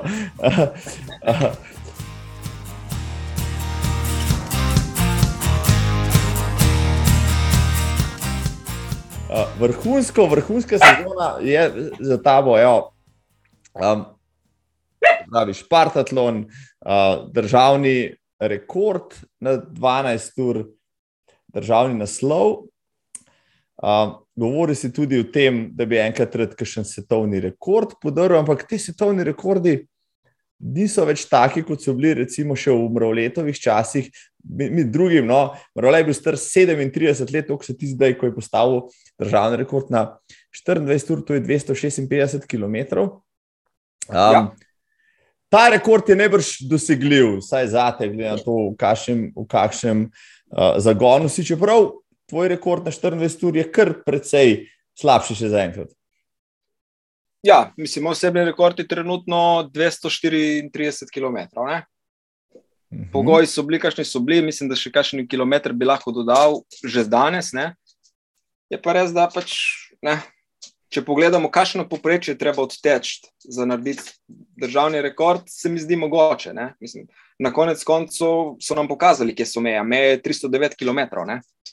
Trenutno, ja, tako. tako. Ja, ja. tako da, meje, so, meje so trenutno bistveno više, kot so, kot so pri nas. Zdaj, ali je to dosegljivo ali ni, ne vem. Ne? Se bom pa vsekakor potrudil, da to dosežeš. Jaz bi rad odtekel 260 km v naslednjem letu. Ne? Zdaj, nekako sem si zadal nek plan, nekako imam v glavi in vem, kaj moram narediti. Zdaj, če se bo to zgodilo, se ne bo, ne vem, ne? če se ne bo zgodilo, spet ni tragedija, ker imam še kakšno leto. Ne? Če pa pogledam neko statistiko tekačev pred mano, tudi če pogledam dušo na mrov leta. Moja prva dva nastopa na 24 ur so bistveno boljša kot njegova prva dva nastopa na 24 ur. Ne? Moj eh, nastop je tudi boljši kot je od Soroki na prvi nastop na 24 ur, ali pa Tamasa Bodisa, ki zdaj odteče 280 km skoraj. Tako da v tem jaz vidim neko spodbudo in neko teho, da je mogoče in da štartam tam, kjer so štartali tudi ti ljudje, ki so bistveno boljši zdaj. Jaz verjamem, da verjetno imajo več talenta, kot ga imam jaz. Ne? Jaz uh, s trdim delom lahko nadoknadiš samo neko mero talenta. Ne? Ampak dokler sem pripravljen trdo delati in teči in vse te stvari, ki so okoli tega, tega se pravi, izboljšati, ne? jaz nisem sposoben iz svojega telesa eno stvar izboljšati za 70% smo pa sigurno jaz, nekaj stvari, ekipa okoli mene, ki mi pomaga, smo pa sposobni 70 stvari izboljšati za en procent. In ko potegnemo črto, je to isto. Ne? Na koncu se moramo delati na nekih majhnih spremembah in upati, da bo to prineslo željen rezultat. Ne? Zdaj, spet, ni pa to za me življenje na smrt. Ne? Jaz tudi, če ostanem pri 234 km, je za moje pojme še vedno dober rezultat in sem s tem bom normalno živel. Ne? No, ja, ampak glede na pokazano, ja, bi, bi bilo fajn no, narediti kakšnega več, še kaj pa ne. Ja, mislim, 234 je tako čudna številka, pa poprečje ni niti 6-0 na kilometr. 6-0 je točno 240. Ja, ja se je zato, no, tako da tle, tisto šest, ko moraš upraviti. Veliko meniš svojo ekipo. Uh, ki je s tabo na vseh tekmah, prej si rekel, da si jih celo kar zanimivo prikrajšal za eno izkušnjo v balatonu. Da mi bovaj, uh, ti po ogromno časa posvetiš teku, jasno, ker to rad počneš, ampak da pa neka tekma uspe, mora pa tudi ekipa veliko energije vložiti v to. Že pred tekmo, med tekmo, uh, po tekmi, tudi emocionalno, fizično, psihično. Um, Morajo imeti oni tudi radi teka, morajo imeti radi samo tekača. Kaj mora biti tle, kakšna kemija se mora ustvariti, da ti ljudje, ki te spremljajo, tvoja družina, ne, dejansko s tabo diha ta tek, da jim to ni odveč, recimo, ali pa uh, kaj tasga. Predvsem imajo radi mene, ker noben drugi družini ni tekač. Ne? Po drugi strani pa mislim, da oni predvsem vidijo trud, ki ga jaz uložim v to in pač tek cenijo čez to, ne? čez ta objektiv mojega truda. Ne? Zdaj, starši so starši, ne? načeloma karkoli delaš, načeloma podpirajo, ne? sploh če je to nekaj zdravega in s tem ne škodiš nobenemu. Ne? Tako da jaz se jim lahko samo zahvalim, ne? da so pri svojih. Ne, da svoj prosti čas namenijo temu, da svoje počitnice preživijo v Grčiji, medtem ko jaz tečem skozi to grško divino. Rekel, Tako da jaz sem jim lahko samo hvaležen in se jim zahvalim za to. Ne. Je pa res, da jaz vidim da to do neke mere jih tudi osrečuje. Ne? Jaz vidim, da so oni zadovoljni, da oni se počutijo del nečesa in zato, ker so počutijo del nečesa, jih tudi pač mislim, da to njim neki da, ne? neko dodano vrednost v njihovem življenju. Vsaj upam, da je tako, ne? da jim ni to v breme. Ne? Jaz vsakič rečem, če vam ni, vam ni, ne? ampak če ne, pa to zdaj. Načeloma, zdaj zadnji čas niti ni vprašanje, če grejo, ampak kdaj gremo in kako gremo. Ne? Je pa res, da malo ko imaš družino ob sebi, je odstop še toliko bolj boleč, ne? ker veš, da se oni odpovejo svojim počitnicam, zato da grejo s tabo v Grčijo in pol, če ti ostaneš, da moraš dolžnik, je potem še toliko teže. Če bi to bila dva moja prijatelja, bi jim bolj zmirno se rekel, eh, to je to. Ne? Tako da malo je tudi nekega pritiska se ustvariti zaradi tega, ker so to pač družina. Ne? Je pa res, da imajo zaradi tega več razumevanja za moje muhe in za moje stvari, ne? zato ker pač enostavno me ne morejo zamenjati in morajo biti tam. Obsojeni ste en drugega, ja, to je pa prednost, prednost tega, da te družina pač mora in da te z veseljem podpira. Um, Lansko leto je, je bilo bolj kot ne virtualno leto, pa se eno, nekaj se je teklo, tisti virtualni, uh, globalni tek je bil. In tudi s tem rezultatom si se uvrstil med šesterico uh, ultramaratoncev leta. Je tako? Ja. Neko priznanje je vsem bilo za, na sezono, vendar le ultramaratoncev na svetu je bilo veliko, tudi dogodkov virtualnih je bilo veliko, no, tle si bil kar v izbrani družbi. Predvsem je bilo veliko presenečenja, z tega sploh nisem vedel, da se to dogaja. Polkar naenkrat me je pač Maja Rigač, naša sekretarka, poklicala in povedala, da si mislim, bi se zlagal, če bi rekel, da nisem zadovoljen. Vse si zadovoljen, ne, da dobiš neko priznanje za delo. Zdaj, teh šest ur na koncu sem odtekel, za moje pojme, solidno, dobro. Predvsem v letu, ko ni bilo tekem, je bilo to, ne, smo prav zadihali, da se nekje dobimo in da malo potekmujemo. Ne. Tako da je bilo to za moje pojme izredno, izredno dobrodošlo. Sploh tistih šest ur, ko smo tekli takrat pri, v bistvu pri živalskem vrtu v Ljubljani, če se prav spomnim, je bilo v bistvu dober mesec pred Špartom, takrat smo še vsi verjeli, da gremo, da gremo v Šparto, da bilo to neke zadnje priprave, neka zadnja družba. Je pa potem Šparta, mislim, da dva dni, torek, mislim, da je odpadla, mi smo to tekli v soboto, nedeljo, torek je potem vse skupaj odpadlo. Hvala Bogu, da je bila. Ja. Dobro, da je dva, tri dni prej, ja. Ja, potem ja, se tam zapil, pa ne bilo nič iz. ne pijem alkohola, to da niti v tem nisem dober. Jasno, nimaš čas za druge hobije, vem, ja, vem, vem, vem ja. jaz, jaz združujem oba svoje najljubše hobije, tako ja, tečem, pa pijem, pa ponad pijem del časa, ki tečem, ampak evo, ti si tih kontra, ti samo tečeš, pa nič ne piješ, evo, na koncu se izravna v vesolju. Omenil si so roki na večkrat, evo, zdaj pa tudi to, da si kot pragmatičen tekač tisti, ki pač znanost, tehnologijo in ostalo posvoji. Uh, Kaj bi pripisal temu? No, četrt stoletja nazaj je veliki bog ultramaratona Janis Kuros dejal, da njegov 303 km rekord na 14 ur je pa večen, je pa bo pa trajal vsaj eno stoletje. No, in pa letos, že po zimi, je poskušal. Um, Kiljan, Kiljan Žorne, ja, na, tisti, na tisti stezi na norveškem, dokaj neposrečenih okoliščinah, kako koli že. No, ampak bil je to odmeven dogodek, takrat se je Janis Kuros javno zmrdoval nad tem, ne? da to ja. ni nič. Uh, in tako mu ni uspelo, pol, no, ampak no, pa je to kar malce presenetljivo.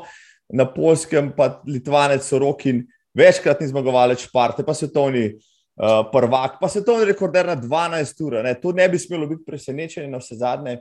Pa vendar le malo je bilo od teku 14 urah 309 km. No, ne vem, nisem potem spremljal, ali je Kuro s to kaj komentiral ali ne, ali se je zmrdval mogoče nad, nad karbonom ali na čem drugim. No, ampak če, če mu ti pripisuješ, no, Sorokin je vendar le izjemen talent, izjemen tekač. Kaj še vse bi rekel, da je ta nova era ultramaratona prinesla in to, da se ti rekordi, ki so včasih veljali za res izjemne, zdaj kar skoro serijsko rušijo. Jaz mislim, da predvsem Sorokin ogromno trenira. Ne? Zdaj, vsak ima stravo, si lahko pogleda, pa bo videl, kako ta človek odteče. Ne? Pa bo videl, da se spravi amater napram njemu. Uh, jaz mislim, da on predvsem ogromno, ogromno, ogromno teče. Ne? Po drugi strani se treba zavedati, da so roki, dokler zaradi korone ni izgubil službe, ne? je hodil 8 ur na delo.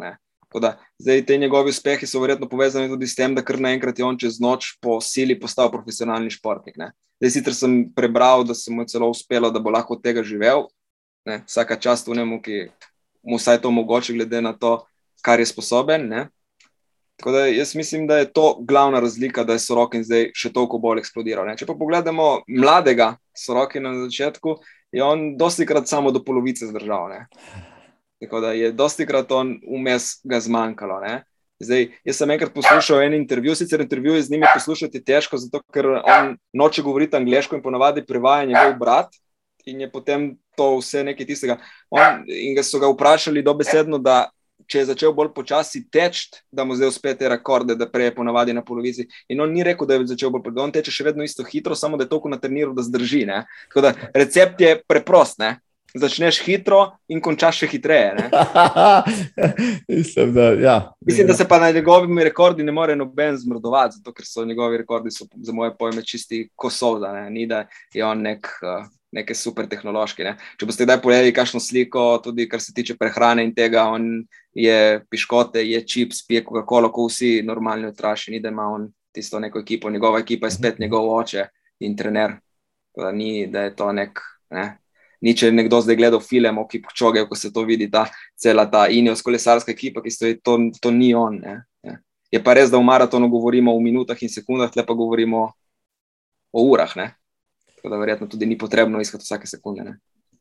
Mislim pa, da bo svoj svetovni rekord na 24 ur še podaril. To je, da je čist na hitro se preračunati, no? 309 km v 14 urah. Je koliko minut na kilometr? Uh, 4,45. 4,45. Uh, 24 ur.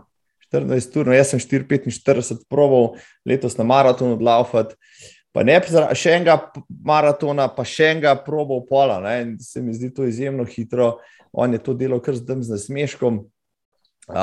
No, pa z teh svetovnih rekordov letos cel kup, no, uh, hecen Nemec, Brki, Florian, uh, je laufal. Na 100 km v dnevni sobi. Ja. Tako, v dnevni sobi tudi podaril rekord, mislim, da bi 6-28 na koncu. Wolmsley, Jim Wolmsley, Hokin tekač. Skoraj svetovni rekord. Je za 11 sekund rešil svetovni rekord na 100 km, res, res, kaj se dogaja uh, uh, v ultramaratonu. Uh, ženska je padla svetovni rekord na 50 km, če se ne motim. No, uh, ja. Nore, nor, nor napredek je, nora konkurenca je.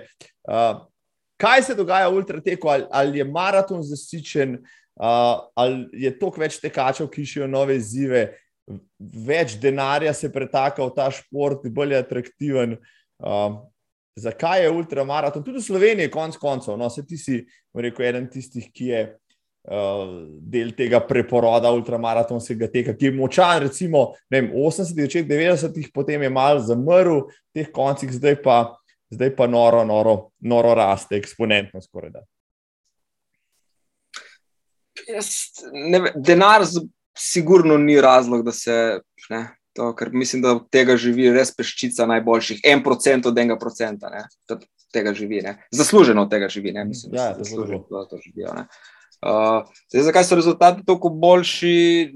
Ne vem, morda zato, ker so, čeprav jaz nisem ne, ljubitelj traila, ampak trail je sigurno ogromno naredil za popularizacijo daljših dolžin. Zdaj, za trail je že skoraj normalno, da traja 100 mil, ne? to je neka klasična distanca. Ne? In pol nekdo, ki je dober na 100 mil, ne? relativno hitro je lahko dober na 100 km, ne? celo malo krajše mu je. Ne? Tako da jaz mislim, da zaradi tega, če imaš ti te, sploh če gledamo, ne vem, uh, ta večje trele, ameriške in to, to si po 2, 3, 4 tisoč prijavljenih. Ne? Če imaš ti 2, 3 tisoč prijavljenih, je to že tako velik bazen, da ni vrag, da notri ni eden izjemen talent. Ne? Zdaj, če gledamo to klasično ultra tekaštvo, se pravi nek 24-urni tek, to imaš pa, če je sreča, imaš 100 prijavljenih. Ne? Tako da jaz vidim prej, da je to, da prihajajo iz zunaj v naš. Pa v nerokovajih naš šport, nekaj šport ni nobenega. Ne? Uh, prihajajo ljudje, ki so prej mogoče se ukvarjali z drugimi. Jaz mislim, da če bi bilo še nekaj denarja in da bi nekaj teh najbolj uspešnih maratoncev, sploh temnopoltih, mislim, da bi videli še bistveno izboljšan, vsaj na 100 km, svetovni rekord za moje pojme. Mislim, da bi no. lahko globoko počestor, če bi se nekdo in če bi v tem videl tudi nek finančni, glede na to, da v tistih državah gre to ne za dopust, ko pri meni, ampak gre za preživetje za službo. Da, mislim, da so še rezerve in da bomo verjetno še v mojem življenju to videli, da bo tudi kakšen temno polti. Dober, dober maratonc, mogoče na koncu svoje kariere se poizkusil, vsaj na stotih kilometrih. Ne. Ja, nekaj poskusov je že bilo, ja, da bi jih vsaj na 50, pa tako naprej, pa na kakšne trele prepeljali, pa za enkrat, če ne uspešno, ja, kot praviš, morda bo kakšna finančna spodbuda, kdaj spodbudila tudi kakšnega uh, v srednje, oziroma vzhodno Afričana, da se bo podal malo več kot sam dve uri laufati uh, na maraton. Pa bomo bolj videli čase, 5 ur 45 na 100 odkin, ki je ta zga. Ampak um, pustimo to stati za enkrat. Um, ti treniraš, dorma stravo, ne te pofolova, če te še ni. Um, sicer je to dokaj dolgočasna, ker uh, pogledaš tja zjutraj na, na VC-ju ali pa prkavi šestih, pa vidiš, da je 30 km. Veš, kateri dan je. veš, kateri dan je, točen veš, kje, kje, kje je laufal. Zdaj mi bo tista tvoja pentla oziroma trasa, ki gre mal gor, pa potem desno, pa nazaj, pa dol, pa še enkrat gor. Pa Um, to si namenoma izbral, tam ti je res najlepše, itak zdaj le po zimi, zjutraj noč, ki štartaš, pa ki zaključiš tako, da vidiš nekaj dosta, ne? kaj te vleče ravno tisto cesto, pa da ne delaš moče bolj raznolikih uh, treninških tras, ampak da res drgneš tisto eno in isto cesto. A, ta, ta pot. Ta pot na ceste je postala aktualna sicer za priprave za Špartatlon, ki je v 30 km, je lih toliko višincev, kot jih je v 30 km, če razdelimo špartatlon. To je bilo čisto, čisto namensko. No. Cesta gre non-stop malo gor, malo dol, malo gor in je izredno, izredno podobna temu prvemu delu uh, špartatlona. Tako da tisto. Pol pa, pač, enkrat, meni je tako vseeno, kje tečem. Jaz ne vem, nisem nikoli rekel, da grem teč nekam, zato da bom gledal razglede. Nisem, priznam, da nisem tak. Ne. Jaz že, če si privoščim, si privoščim nedeljsko bonifiko, ki je spet dolgočasno, ki se teče v krogore. No, tako je, ne, se te hoče vprašati, da se kdaj dolgočasiš v tem, rekel ne, notranja lepota teka me napaja vse čas. Da, um, kaj pa, poslušaš kakšno musko vmes ali kaj tazga, podcaste, ne, ali uživaš v tišini noči, jutra? Ali... To je zdaj to je zdaj čisto odvisno. Ne? So jutra, ki sem v tišini in rešim vse težave sveta, so jutra, ko ne razmišljam nič. Včasih sem izredno dosti knjig, bom rekel, prebral, čeprav sem jih preposlušal, poslušam podcaste, kar še enkrat tudi glasbo, tako da čisto mešano. Ne? Dosti krat je pa tudi sama tišina. Zdaj. Na Špartatlonu ni nič dovoljeno, tako da pri Špartatlonu dober mesec nisem poslušal nič, sem se navajal biti pač sam sabo toliko časa ker mislim, da vsaka taka malenkost potem malo pomaga. Če si ti navajaš neko glasbo, te lahko že to spravi stira, da je potem se tam v tišini. Tako da čisto mešano. No. Poslušam karkoli, še enkrat pa tudi nič. Nekaj še enkrat si dan tudi slušalke, ko grem na Bonifiko, pa nič ne poslušam, samo zato, da se kdo ne govori z mano, ne priznam. Taktično, ja, modro, seveda, ja, pragmatično tudi. Um, uh, povej mi, Luka, um, delaš v, avto, avtocentru, uh, pa tja hodiš s kolesom, kako to? Prvo zato, ker pa če živim na dizelu in imam 6 km do službe. Ne? In se mi zdi to najbolj racionalna zadeva na svetu, da se vozim v službo s kolesom. Ne? Pač nekaj naredim zase, kolesarstvo imam rad, kolesarstvo tudi spremljam kot šport, tako da je to itak v vsakem primeru. Avtomobile imam jaz grozno rad. Tehnologijo. S tem, da moja ljubezen do avtomobilov se je končala tam na začetku 90-ih, to, kar je po 90-ih, me ne zanima, da bom raje nekaj starejša avtomobila, zdaj ta elektrika in to, to je meni čisto mimo. Uh, tako da pač, vozim se s kolesom, čisto, če se mi zdi najbolj racionalna odločitev, ki jo lahko naredim. Ne. Naredim nekaj zase, pač, uživam v tem, poleti je malo toplo, po zimi je malo mrzlo, vmes je pa čisto urejeno. Ja, v bistvu, ja, no, tudi, tudi to se da videti na tvoji stravi. Ve, da se določiti, kaj si odtekel ti dan, kjer dan je, kot si rekel. Um, a si imel gumi defekt na kolesu ali ne, ali a si imel namazane ležaje, vse, vse to se vidi, ne, ker vse zabeležiš.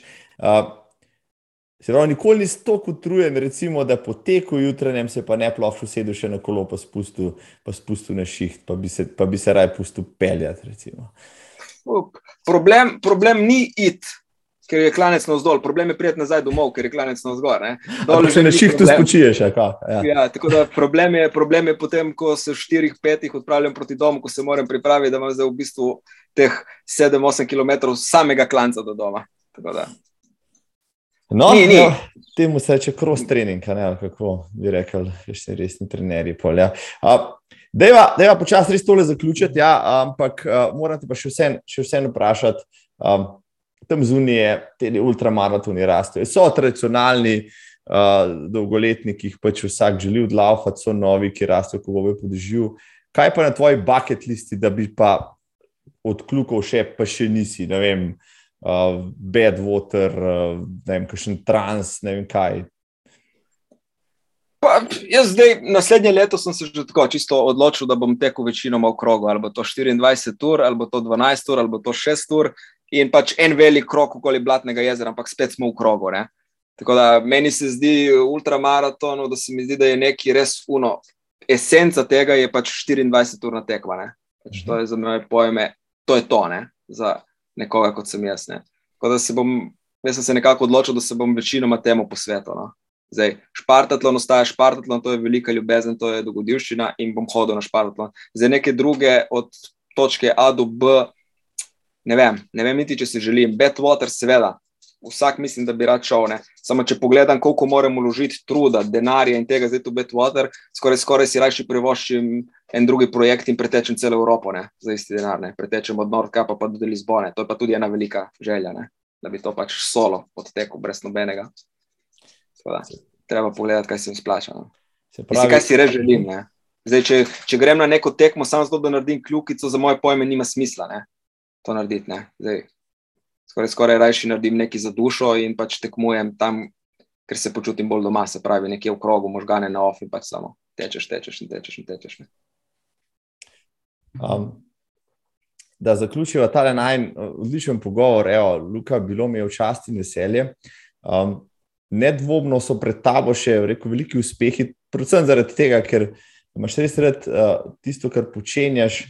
Um, kdo je za te morda največji ultraš vseh časov, bi, ali pa največji trije, recimo, ne, da te ne bom spravil za drego, pa kam bi ti, recimo, rad posegel še v naslednjih desetih, dvajsetih letih. Kaj povem? Zdaj, če pogledam svetovno, je sigurno trenutno številka ena sorokin. On mi je tudi tako simpatičen, fantina in to, in ne morem, ne, ti more biti všeč, ne, sorokin. Zdaj, v tem trenutku sorokin ti mora biti všeč. Drugače sem velik ljubitelj, pa da bo bila, pa tudi če ne, s Kamil Heron, recimo, on je njen stil tekmovanja in meni nekaj najlepšega. Ali je svetovni rekord ali pa je odstop. Ne? To je za moje pojme nekaj najlepšega, kar lahko človek naredi. Ne? Ali je svetovni rekord ali pa je odstop. Ne?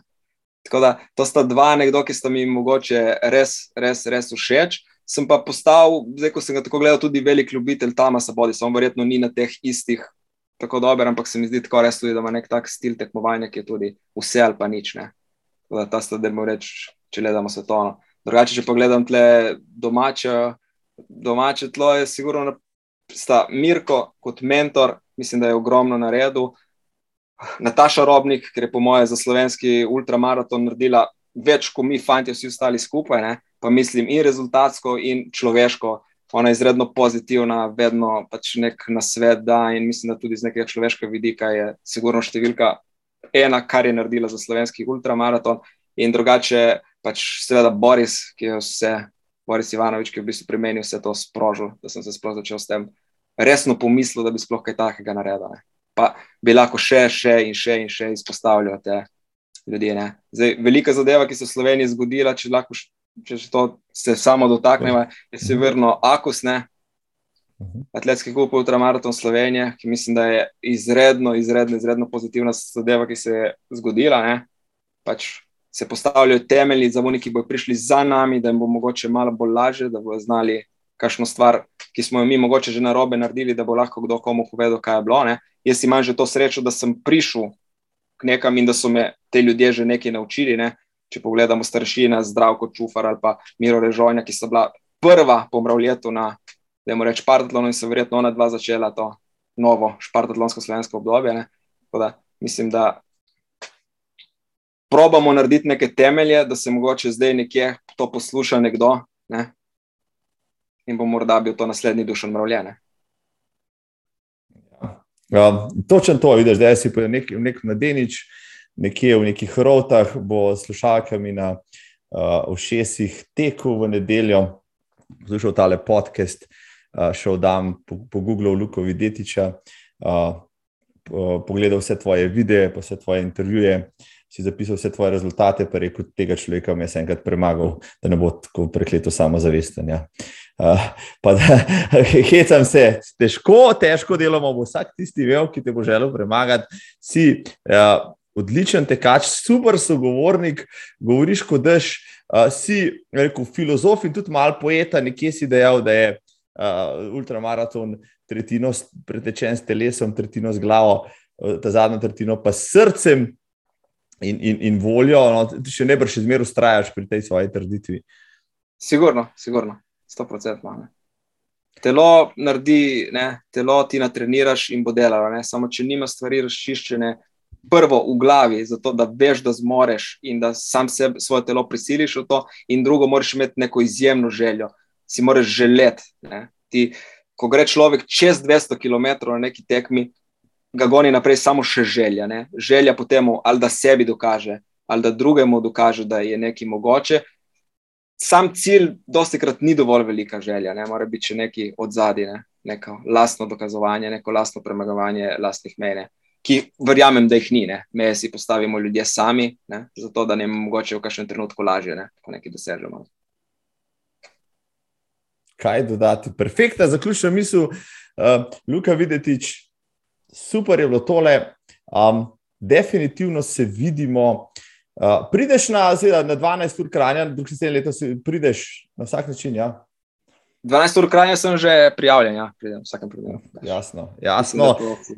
Zasluži črna puščica bo spet na štartu, če bo sreča mila, jaz tudi tam nekje, no pa, pa to dramo, zdaj spremljamo še enkrat. Evo, uh, vse sem si zabeležil, kako ciljaš naslednje leto, tudi v krajnu teč. Uh, zdaj bomo poskrbeli. Da ne bomo tako prizanesljivi, ko bo začel popuščati, pa da te bomo izmerjali, da, da ne boš tako hodil. Super pogovoril, hvala ti, Luka, hvala za tvoj čas, hvala za super misli. Uh, jaz ti želim, ne vem, da bo budilka uh, čim manj glasna, pa da bo jutri tekmo čim bolj užitek. Hvala, Marko, za povabilo, pa se kje vidimo. Ne? Se vidimo tam zunaj. Ostani za gret, kar seveda, itak si. Ja, Ajde, hvala, hvala. čau, čau. čau.